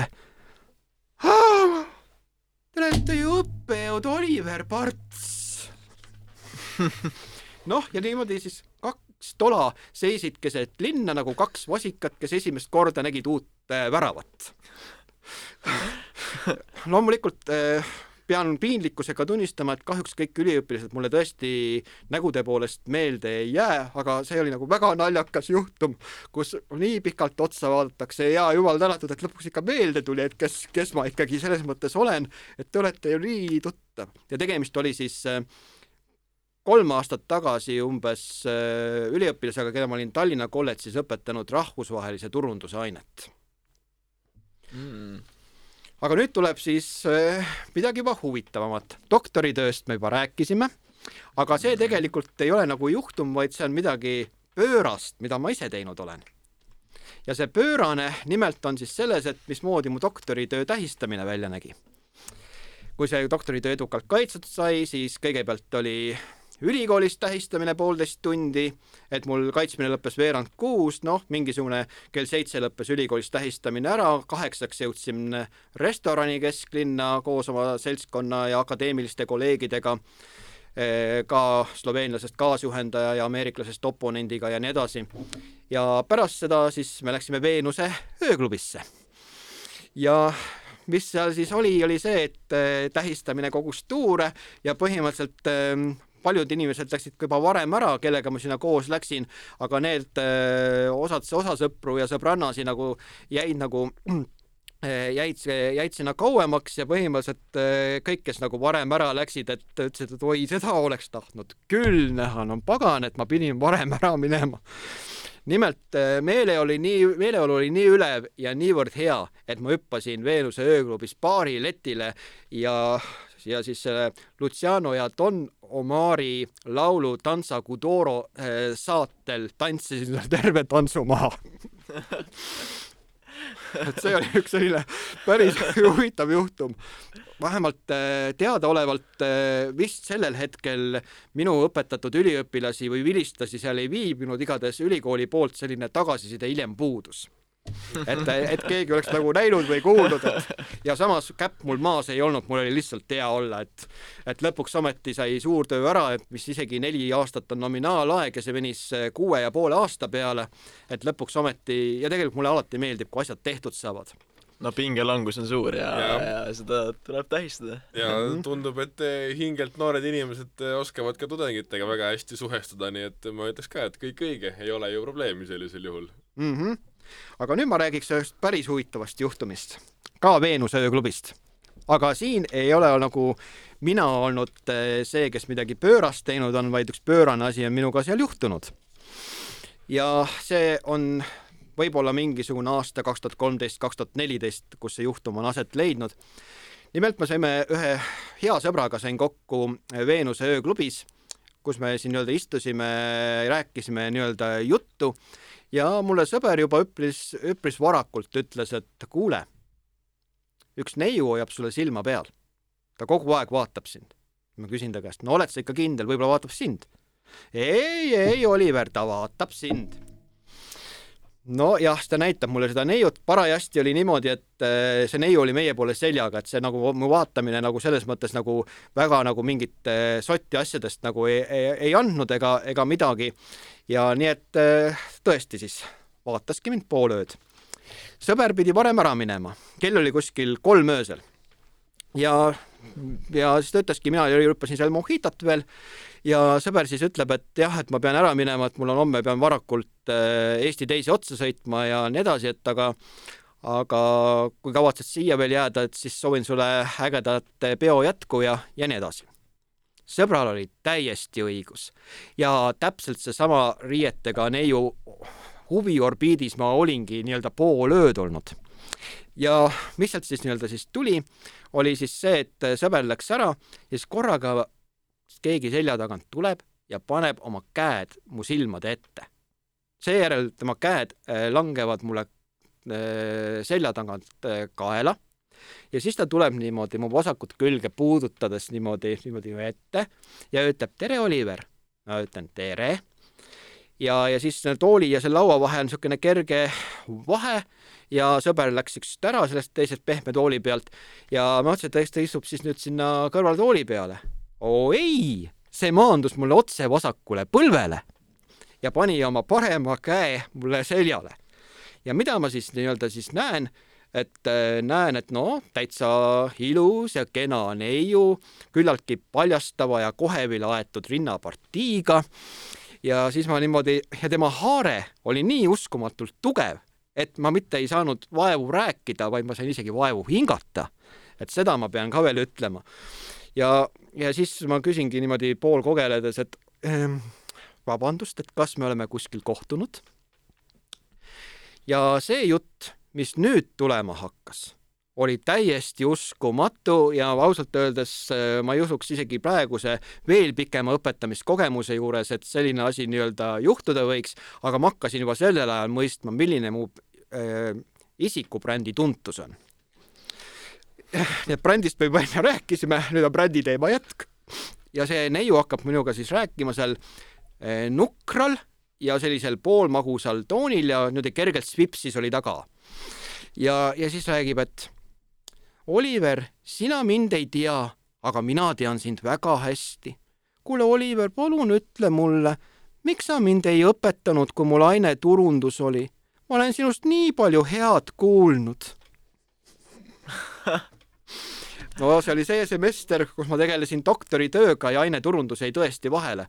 nii et selle alates aastast äh, kaks tuhat kolm sügis on mul olnud äh, ainult kaks semestrit, kus ma turundust üldse õpetanud ei ole ja mõlemad on olnud doktoritööga seonduvalt äh, vabad semestrid, et noh, õppejõul on võimalik Tehnikaülikoolis võtta endal vaba semester kord viie aasta jooksul põhipalga säilitamisega nii et äh, see ongi eelkõige mõeldud siis äh, nii-öelda enese täiendamiseks, enese arenguks, mitte niisama, et äh, viis aastat on täis ja võid võtta vaba semestri, vaid ikka põhjusel ja et see siis mingisugust ülikoolile mingisugust pikemat kasu toob, et see on nagu siis selle nii-öelda siis mõte. ehk siis saite kuidas seda siis nüüd majandusterminitega edastada, saite siis tarbijatelt etteheite oma tegemata jätmiste osas või kuidagi niimoodi mm? -hmm. et raske ette kujutada, eks tõesti. et selline diskussioon nagu selles mõttes äh, ka võib aset leida, et see on tõesti päris huvitav. ja ööklubist Bon Bon, äh, mis kunagi olemas oli ja pigem oli ta selline äh, seltskonna inimeste öö, ööklubi, siis seal on lihtsalt huvitav olnud see, et ma ei olnud selles ööklubis mitte kunagi varem käinud. ma astun sisse ja, ja jooki serveerivad neiud ütlevad tere õhtust, austatud härra dotsent Oliver Parts. ja need ei olnud üliõpilased, keda ma õpetanud olen. ja et selles mõttes äh, see on tõesti väga huvitav, et ma kuskil seltskonna veergudel ei ole üldse figureerinud ei tollel ajal ega ka mitte praegusel ajal. et äh, see oli nagu üllatus või mis siis veel, üks huvitav juhtum olen ka olnud doktoritöö uuringut läbi viies. ma käi-, külastasin, äh, nagu Mark teab, väga erinevaid Eesti linnu ja küsitlesin nii-öelda äh, väga erinevaid inimesi, siis Kohtla-Järvest ma ütlesin oma versiooni, aga seda ma siin ei korda, mul on Kohtla-Järvest üks huvitav aspekt ka lisada, mida ma loengus ei rääkinud. nimelt äh, sattus mulle üks vanaema vastama sellele, sellele ankeedile, selline seitsmekümnendate alguses äh, proua ja siis vastas selle pikale ankeedile ära ja siis ta küsib, et aa, kas te ülikoolis ka töötate? ütlesin, jaa, töötan küll. ja õppejõuna, oi, aga mida te õpetate? turundust õpetan. oo, hai, aga sügisel tuleb minu lapselaps teie ainesse turundus ja ta ütles mulle ees- ja perekonnanime ka ja sügisel tõepoolest see nimi figureeriski ja tuligi. et see oli midagi tõesti ääretult huvitavat. Ja siis ma sinna sisse Moodle'i tagasisidesse sellele üliõpilasele kirjutasin, ole hea, tervitage oma ägedat vanaema. Oot-oot, kas siis inimesed, kas siis, vabandust, kas tudengid saavad siis ka õisist tagasisidet, ma ei teadnudki ei, ei tähendab äh, äh mitte, mitte õisis, vaid Moodle'is ah,. ma Moodle'isse hinde lahtrisse, hinde ah, kõrvale kirjutasin. et hinne, eks ole, ja siis see on see feedback või tagasiside, kuidas see sõnastatud seal on ja, ja, ja siis see nagu sinna nii-öelda siis panin, et ja siis üks viimane näide veel, mis mujal on olnud, siis äh, Rõuge külaliste majas ma käisin äh, aastal kaks tuhat neliteist. ja kaks tuhat neliteist oli siis huvitav asi see, et mind tervitati väga personaalselt selle koha omaniku poolt ja öeldi ka, et tere tulemast meie külalistemaja, härra dotsent Oliver Parts, oli ka just suu lahti, niisugune seitsmekümnendates härra ja, ja nii edasi ja nii edasi, eks siis ja siis ma huvi pärast küsisin, et kus ta mind nii täpselt teab. ja siis ta ütles, et aga kolm aastat tagasi te ju Terevisioonis rääkisite väga pikalt suhkrupaanikast. et osadel inimestel on ikka väga huvitav ja pikk mälu ja samas võib-olla on see maaelu ka rohkem nagu selline, kus neid uusi asju võib-olla lihtsalt ei tule nii palju peale. ja, ja, ja siis nii-öelda mitmed asjad jäävad nagu kauemaks ajaks meelde.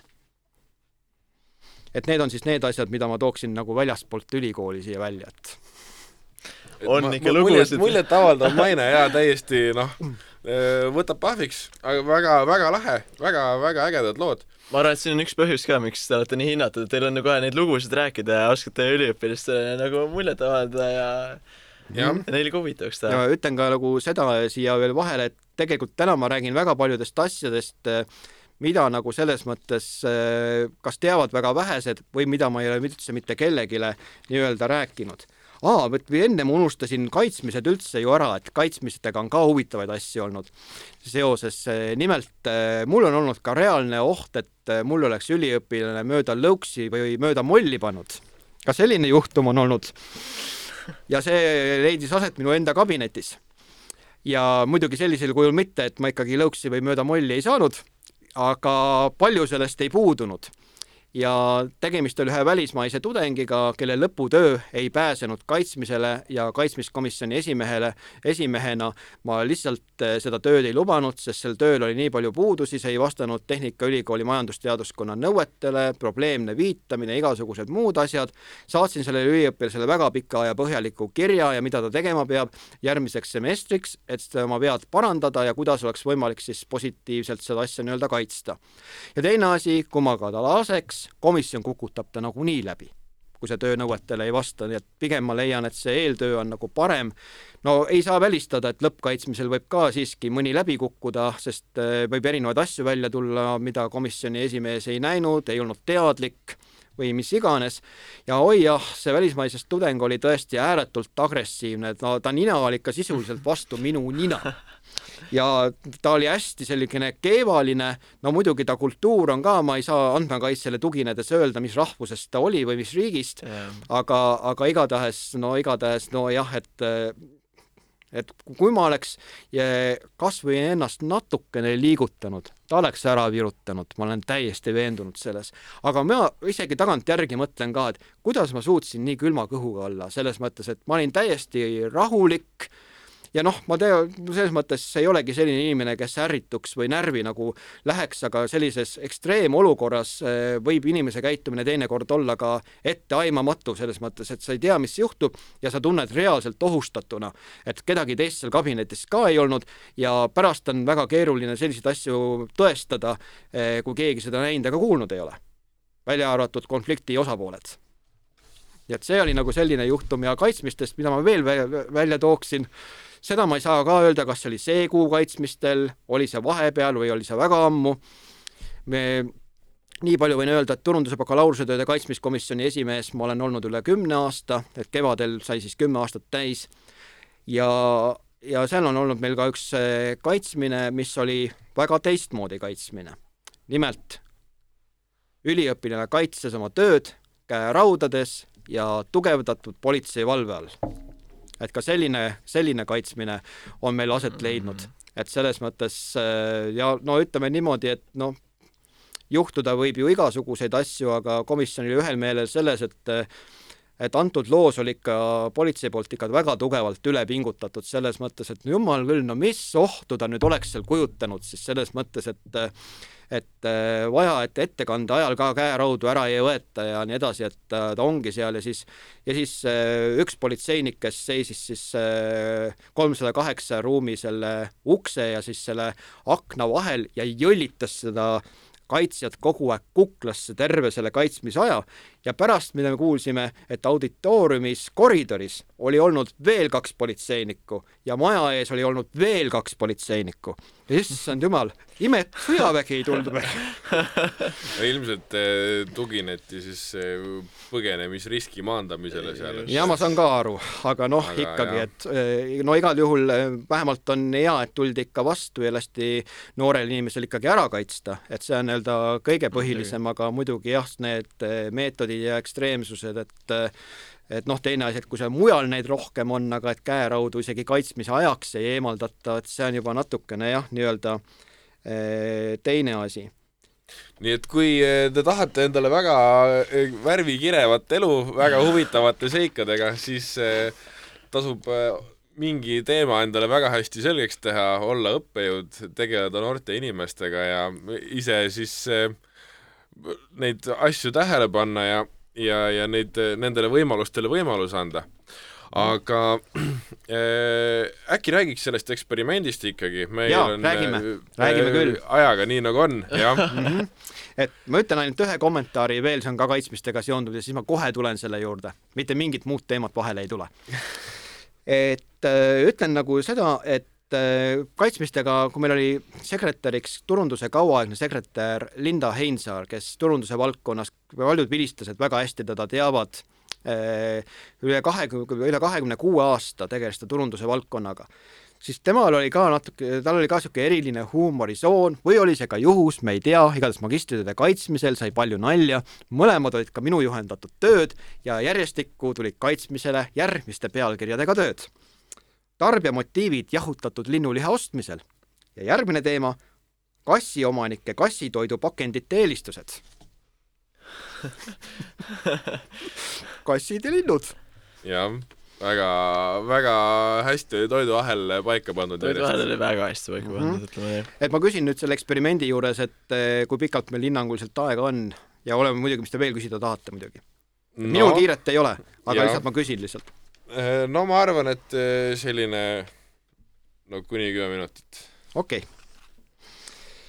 nojah, et äh, ma tegin väga sellise omapärase eksperimendi, ma, mulle meeldivadki sellised teistlaadsemad eksperimendid, olen ööklubides erinevaid eksperimente korraldanud, aga nüüd mõtlesin hoopis huvitavama koha ette võtta ja suhteliselt professionaalsest huvist. nimelt öö, otsustasin teha väikese eksperimendi, teoreetilise eksperimendi eestikeelsetes tutvumisportaalides. ja millised tutvumisportaalid siis vaatluse all olid?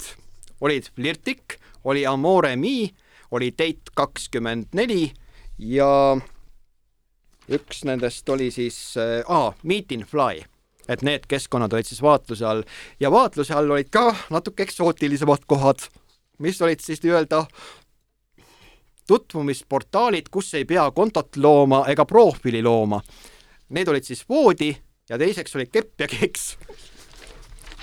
noh, viimased kaks. Olid sellised, et läksid kohe kinni. no voodi on täielik bordell, sellest ei tasu rääkida. aga oi jumal, niisugune seksteenuste valik, oi jumal, niisugust teenuste portfelli annab otsida. Kepp ja keeks. Tundub väga kohutav koht olema, aga tegelikult see on niisugune tutvumiskuulutuste portaal ja tegelikult see väga hull ei ole aga muidugi noh, kas teid huvitab üks äge tutvumiskuulutus ka, mis ma sealt leidsin? no ikka, ikka. no ma loen ette ja küsimus teile mõlemale, mis te arvate, kas selline mees võiks olemas ka olla? Nii et seal on niimoodi, et eh, naiste ja meeste tutvumiskuulutused on seal lehe peal läbisegamini, üksteisele järgnevuses mm. -hmm. nii et selles sorteerida ei saa? Eh, saab, aga on lehekülg, kus ka kõik ees on ja tegelikult ma ütlengi, et eh, kas niipidi või siis need profiili loomisega kohad, et oli täielik meelelahutus mõni keskkond võib isegi tekitada sõltuvuse, mis sõlt-, mis on sarnane TikToki keskkonnale. nii et selles mõttes peab ütlema, et see oli tõeline meelelahutus, tõeline fun, eh, kogu see üritus ja nii edasi, aga nüüd tuleb see tutvumiskuulutus selles piip-piip eh, ja kohas uh. Mhm. -huh. tutvumiskuulutus, mees, otsitakse meest neljakümne viie kuni neljakümne kuue aastast, kasv sada seitsekümmend kaheksa kuni sada kaheksakümmend kaks sentimeetrit pikk, kaal seitsekümmend viis kuni kaheksakümmend kilo, rohekas hallid silmad, heledad juuksed, siilisoeng, sirge nina kõht peab olema peki ja karvavaba. mingi ilu peab vaatamiseks ka olema. võta ühendust. no mis te arvate, on selline mees olemas? oi jah. no väga-väga konkreetseid kriteeriumeid oli kõvasti, ehk et inimene teadis, mida ta tahab, aga siin juba tekib just see, et, et nõudlus küll on, aga kas ta sellise pakkumisega leiab pakkumise saab väga hea mikroökonoomikaga siia. just täpselt, no see, sellest meile, meile õppekava algaski, aga aga tõesti, see on nagu ehe näide sellest, et kui ma olin varem ka palju kuulnud, et, et kui on noh, ütleme, et kui inimesel on soov ja veel tihtipeale töö mõttes kellegi teise raha eest midagi põlema panna, õhku lasta, kõrgelt alla kukutada ja nii edasi mm, -hmm. siis kui seda teha piisavalt kontrollitud tingimustes ja hästi kirja panna, siis selle nimi ongi teadus mm. -hmm. Ja nagu välja tuleb, siis ka väga teistsuguste aladega tegeledes on võimalik äh, väga veidraid asju noh, väga, väga huvitavalt tõesti vormistada ja see on noh, loomulikult uuring missugune, nii, mis mm -hmm. te veel teada saite? ja ma ütlengi nagu selle juures ma muideks arvestasin selle äh, soovitud mehe kehamassi indeksi ka välja. Ja sellest järeldus see, et see naine otsis kerges alakaalus meest, et normaalkaalus ei tohtinud ta olla. nii et äh, jah, oh jammal küll. Ja muidugi selles piip-piip ja kohas oli äge kuulutus ka, niivõrd-kuivõrd mehepoolne kuulutus, soovin keppi ja keeksi. Aga noh jah. Ja, äh, pealkirja arvestades väga ootuspärane soov kindlasti. Okei aga nüüd ma olen slaidile, jah just. Palun, palun. kui sinna slaidile minna, siis jah ja. äh, mida muud ootad, eks? jah aga jah, et äh, mõtlesin siis ka natukene vürtsi juurde anda ja lõin siis ka mitmesse tutvumisprof-, eh, tutvumiskeskkonda ka profiili, kus seda eeldati, nagu ma siin rääkisin, Flirtik ja Äh, Amore Mi ja Meet in Fly ja nii edasi keskkonnad ja üritasin figureerida niimoodi, kus vähegi võimalik, et ma ei peaks enda pilti üles panema, et äh, mõnes kohas äh, saab tegutseda ilma pildita, mõne koha peal sa ei saa tegutseda nii-öelda pildita ja mõne, mõne koha peal on niimoodi, et osadeks toiminguteks sul peab lihtsalt pilt üleval olema ja põhimõtteliselt siis eh, mind huvitas eelkõige, et millega see raha teenimine siis nendes eh, tutvumisportaalides käib, eh, kus siis peab nii-öelda oma konto tegema. ja muide, mis ma veel huvitavat leidsin, et ühes tutvumisportaalis, kellel soovi meestest on, võib endale isegi blogi ja malluka endale naiseks pealekauba saada kuigi meedias käisid siin läbi alles paar päeva tagasi vastupidised jutud, et kas ta on oma eksiga ära leppinud, võrrelda asu-, lähtuvalt sellest, et neid olevat jõulude ajal koos jälle nähtud ja ühel pildi peal. aga see ongi nagu selles mõttes ääretult eh, huvitav ja raha teenitakse seal loomulikult sellega, et seal on erinevad eh, VIP-paketid, eh, premium-paketid, aga ma küsin teiega mõlema käest ka, kas te olete kunagi endale kaaslast internetist tutvumisprof-, tutvumisportaalist otsinud, kus peab enda profiili looma? Vist ei ole, kui nagu kellelegi, ma ei tea, Facebookis kirjutamine sinna arvesse ei lähe, siis ilmselt mitte. isiklikult ka ei ole mm. -hmm. mina ka ei ole. see oligi niisugune teoreetiline eksperiment ja miks ma nimetan seda teoreetiliseks eksperimendiks, selle poolest, et eh, Kohtingule minna mul kavas ei olnud ja sinna ma ka ei läinud aga see, et äh, mis seal nagu toimuma hakkas, sellest ma natukene räägin ka nii-öelda isiklikust vaatest. aga kõigepealt siis nii-öelda raha teenimine, see on ka nendes keskkondades ikkagi väga erinev ja põhimõtteliselt ja Tinderi tegelikult ma tahtsin ka sinna sisse panna, aga siis ma Tinderit vaatasin, et see konto loomine oli seal natukene liiga bürokraatlik, et ma ei viitsinud sellega jännata. ja nendes tutvumisportaalides, kuidas siis tehakse? Eh, seda konto loomine käib siis sellega, et seal on terve hunnik erinevates keskkondades küsimusi, mida siis küsitakse sinu kohta, et leida sulle siis võimalikud potentsiaalsed kandidaadid, kellega sa peaksid siis nii-öelda sobima. ja tekivad sellised sobivusskoorid. et erinevates keskkondades neid küsimusi võib olla lausa sada küsimust kus küsitakse seal kõik, mõned küsimused olid natukene ka totakad, näiteks ühes küsimuses küsitleti näiteks eh, minu kui meesvastaja käest küsiti selline küsimus, et kui ma lähen ööklubisse ja näen seal suudlevaid naisi, et kuidas ma reageerin, kas ma saan tigedaks, kas see jätab mind külmaks või pean vaatepilti erakordselt kuumaks no antud juhul mul tekkis nagu küsimus, et noh, mis pagana sobivust nüüd sellega leitakse küll mehe ja naise nii-öelda omavahelistes suhetes, et kui oleks seal mingid vähemuste esindused, siis ma saaks sellest aru veel, aga aga see natu, natukene oli nagu võõras. ja premium ja vipp-paketid, need on siis see, et et see õnnestub sul siis otsida nendes keskkondades võimalikku kaaslast palju põhjalikumalt, no näiteks saad tähtkuju järgi osades keskkondades endale kaaslast eh, otsida eh, ja igasuguste muude kriteeriumite alusel.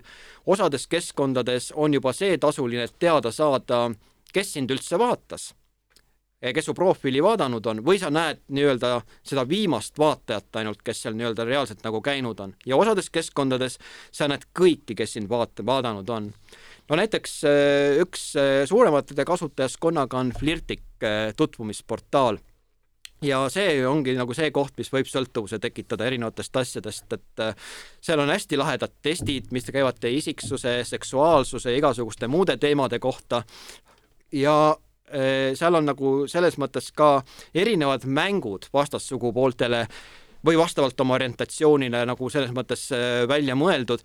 näiteks see, et et äh, süsteem pakub äh, su sobivuskoori alusel äh, eri ja soovitud vanuserühmas sulle nii-öelda sobivaid naisi piltidega ja, ja see ongi siis nagu küsimus, et kas see naine meeldib sulle? Või kui sa oled naine, siis kas see mees meeldib sulle? Ja sa pead neid pilte seal hindama ja sa teenid seal ka veel boonuspunkte iga selle nii-öelda selle hinnangu nii-öelda siis juures. ja teine pool selles mängus on veel selline pool, et kellele sina meeldid ja siis tuleb sulle niisugune mõistatusülesanne, et kui keegi on äh, märkinud äh, äh, sind nagu meeldivaks, antakse sulle kuus kandidaati nii-öelda piltidena ette, et kas sa arvad ära, lubatakse kolm korda nii-öelda eksida, kas sa arvad ära, et kellele sa meeldisid? Et selles mõttes see süsteem nagu aitab nagu selles mõttes kaasa sellele ka nii-öelda potentsiaalsete kaaslaste omavahelisele leidmisele aga mis ma sealt nagu profileerimise juures leidsin, oli üks hästi huvitav asi, et äh, seal oli nagu väga palju erinevaid äh, äh profiiliga inimesi et esimese, esimesed kaks asja ei ole üllatavad, et selleks ei olnud vaja mitte mingisugust uuringut teha, loomulikult inimesed, kes pole kunagi suhtes olnud, tahavad endale kaaslast leida, ei ole mujalt leidnud.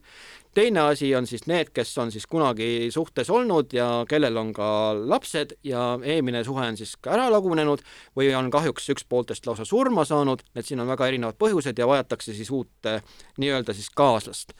ja ma vaatasin, tegi see test hõlmas siis tutvumisportaalides eh, mul neljasaja naisterahva profiili läbivaatamise ja kolmekümne mehe profiili läbivaatamise. ja mehe, mehi ma võtsin sellepärast ainult siia, et mind huvitas lihtsalt see, et kuigi see meeste valim oli väike ja te saate ise aru ka, miks see põhjus on loomulikult, ja, ja, ja, ja miks ma neid üldse kaasasin, oli see, et kas ma saan ka väiksese grupi pealt näha mingisugust äh, pilti või mustrit, mis ka naiste puhul nagu kordub ja üks asi oli korduv ja see tõeliselt, see tulemus mind hämmastas. ma küsin nagu niipidi, mis te arvate, kuidas võis nende inimeste haridustaset iseloomustada, kes endale kaaslast otsisid nendes tutvumisportaalides, et mis oli kõige domineerivam haridusseisundi tase nii-öelda? no ilmselt kõrgharidusest juttu väga ei olnud. ei? Äh, no keskharidus või lausa põhi veel hullem. lõpetamata põhiharidus. esimene sõna on õige, aga see järk on vale. lõpetamata keskharidus. just nimelt mm. -hmm. ja see, mul oli suu lahti selle peale, et kui palju oli seal inimesi kolmekümnendates ja neljakümnendates lõpetamata keskharidusega et see oli nagu selline, selline asi, mille peale ma ei osanud kunagi tulla, et, et see on, aga no ma saan mõnes mõttes nüüd aru, järelikult nendel inimestel on kõige raskem endale kaaslase leidmine et miks neid muidu nii palju on, sest Eesti Statistikaameti eh, statistikaga see kindlasti kokku ei lähe, et meil nii palju neid lõpetamata keskharidusega inimesi ei ole. noh, võime öelda ka, et see neljasajane valim naiste osas, see võib ka veel jääda väikseks ja tõenäoliselt jääbki, aga mingi tõetera on siin nagu taga. ja mis naiste profiilides mind veel üllatas, millised joodiknaised seal on. mida naised ütlevad? joomise kohta küsimus, joovad aeg-ajalt ja seda nii-öelda enamus naisi niimoodi ütleb. et see oli mulle täielik müstika, et eh, kuidas neid seal nagu siis nii palju eh, niimoodi, nii palju siis on ja ja siis eh, see flirtiku keskkond on selle poolest ka niisugune huvitav, et ta sarnaneb natukene Facebookile oma ülesehituselt ja, ja vaatevälja poolest ja sa saad oma, seal on sul oma sein, sa saad kirjutada ja kõik tuhanded inimesed selles keskkonnas näevad, mida sa sinna kirjutad ja nii edasi. üks tüüp inimesi selles profiilis olid ka Äh, nii-öelda siis meeste vihkajad, mina paneks sellise äh, sildi mm. ja ma ei saa tegelikult üldse aru, mida nad seal üldse teevad.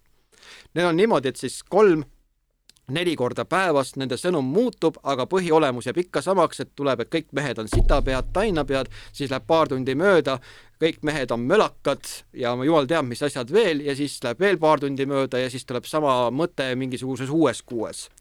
et see oli nagu selle poolest ka nii-öelda äh, üllatus ja siis üks asi, mis oli veel veider, oli see, et äh, ma leidsin neid inimesi ka üksjagu, kes äh, on endale kaaslast otsinud portaalis juba kümme ja rohkem aastat et mõnedes kohtades oli näha, millal see inimene esimest korda on sellega liitunud. siin tekitaski küsimuse, et kas ta on ääretult perfektsionist ja tahab ideaalset kaaslast või on teine asi, eh, et eh, ta nii-öelda vahetab neid eh, kaaslasi põhimõtteliselt nagu mõni inimene oma sokke või aluspesu. see on hea küsimus, millele nagu keeruline nii-öelda siis hinnaku, hinnangut anda ja muidugi oli ka üks tüüp inimesi, kellel selgelt oli aru saada, et suhtes olevad naised, kes tahavad endale uut meest või armukest. nii et see paistis ka nagu välja. ja aga kas ma, kas ma võin kaks lauset öelda või ei või? jaa, ikka, ikka, ikka, ikka. ütleks veel seda ka, et äh, see isiklik puude jäi veel siit välja toomata. nagu ma ütlesin, ma üldse üritasin nagu pilti mitte üles panna. ja siis ma panin endast ka ühe pildi ülesse ja siis ma mängisin ka neid erinevaid mänge ja tegin seal erinevaid teste ja ma üldse nagu ei jälginud, mis seal vahepeal nagu selles mõttes toimus ja kokkuvõte, kui ma hakkasin neid asju lõpetama, siis ma vaatasin, kõik kohad on punased nii-öelda selles mõttes ja vaatan, issand, kirjakastis on seitse kirja uh! Nelja tunniga. ja see seitsme kirja hulgas oli kuus tutvumissoovi ja seitsmes kutsus juba täna õhtul kohtumisele. kuhu ma muidugi ei läinud, aga see asjade kulg oli väga ootamatu ja seda ma jäin teile veel ka ütlemata, millist sousti selles äh, tutvumiskeskkondades seal pekstakse, osaliselt te juba kuulsite, aga ma räägin sellest soustist natukene veel no võib-olla Kuidas... me peame teid eh, kutsuma lihtsalt tagasi teise epi-, episoodi, teeme poole kahe. kui tohib, ma lõpetan kohe ära. et äh, lihtsalt oli, lihtsalt oli see, et kuidas siis minu poole pöörduti ja ma saan ainult siin seitsmest kaks ette öelda, sellepärast et ülejäänud olid niivõrd seksuaalse alatooniga, kuigi hästi öeldud, aga need ei kannata ka kaamera välist ütlemist. Nimelt äh, tere, Nummik tere, Kompek. ja siis tulid, siis olid ju hästi ägedad laused tegelikult, kaks äh, sünnib siin ette ka lugeda. nimelt äh, tere, mina olen Varas, aga siin selleks, et napata endale su süda. või siis teine algus oli siis sinu sära nähes muutub isegi päike kadedaks tundub, et ettevalmistus on äh, päris põhjalik inimestel seal. ja, ja tegelikult äh, osad tutvumiskeskkonnad annavad ka suure loetelu erinevatest käibefraasidest ka ette, äh, mida võiks nii-öelda pöördumiste puhul kasutada ja, ja nii edasi, et no sellest see lõbu ja fun nagu selles mõttes tekibki, nii et ma arvan, et kui teil isegi kaaslast vaja otsida ei ole, siis ma isegi soovitan mõnda piiluda, et võib päris huvitav ja põnev olla. meelelahutus on päris põhjalik.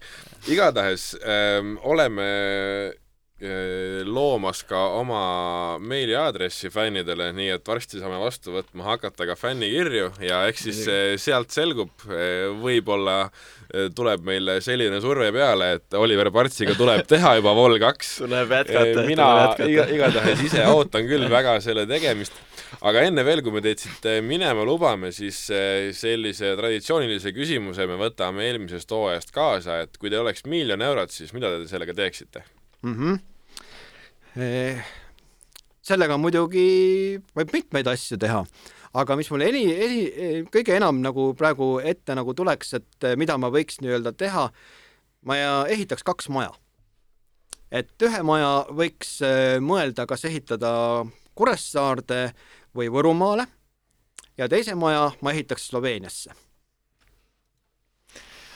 pean ütlema, et Saaremaa on väga hea koht ja, Saaremaal äh, kindlasti tasub maja võtta mm. -hmm. meil on ka tegelikult äh, sponsorite poolt välja antud selline lahe kingitus teile, nimelt Heliose kirjastuse poolt. et ikka see, et siia tulite, liitusite mm -hmm. meie podcast'iga. nimelt raamat Geeni lõks. Annan teile kohe siit kätte, palun. suur aitäh! ja väike kirjeldus ka siis, et äh, lugu äh,, lugu on siis geenihäkitud peategelasest, kes avastab endal üha tugevamaid lisavõimeid äh,. aga siis avastab ta end osalisena suuremas ja sügavamas süžees, ehk siis selline ütleme nii, et äh, veidi triller äh, ja see on huvitav raamat mm. -hmm. suur aitäh! Et kindlasti loen seda põnevusega, ma arvan, kuskil paari kuu pärast, sest mul tuleb päris töine semester, sest järgmine nädal mul algab neli ja pool ainet korraga oi, edu teile sellega! edu teile edu. sellega ja suur-suur aitäh, õppejõud Oliver Parts, et te tulite meie podcasti, neid suurepäraseid lugusid oli siin palju ja mul on tunne, et neid on veel. kallid fännid, jälgige meid kindlasti ka Instagramis, TalTech MTÜK, Youtube'is ja ka Spotify's ja miks mitte, soovitage aga oma sõpradele ja hoidke kindlasti silmad-kõrvad lahti, juba järgmise episoodi järel saame teile anda siis äh, fännikirjade meiliaadressi ja ei jõua ära oodata teie tagasisidet ja siis, äh, siis lähme selle asjaga juba edasi. aga selline sai meil uue hooaja esimene episood. aitäh! Äh, aitäh minu poolt ka, mina olin Andres. mina olin Mark. ja mina olin Oliver Parts Kuulmiseni. Kuulmiseni. aitäh. super. purgis. väga hea. väga hea. väga hea. no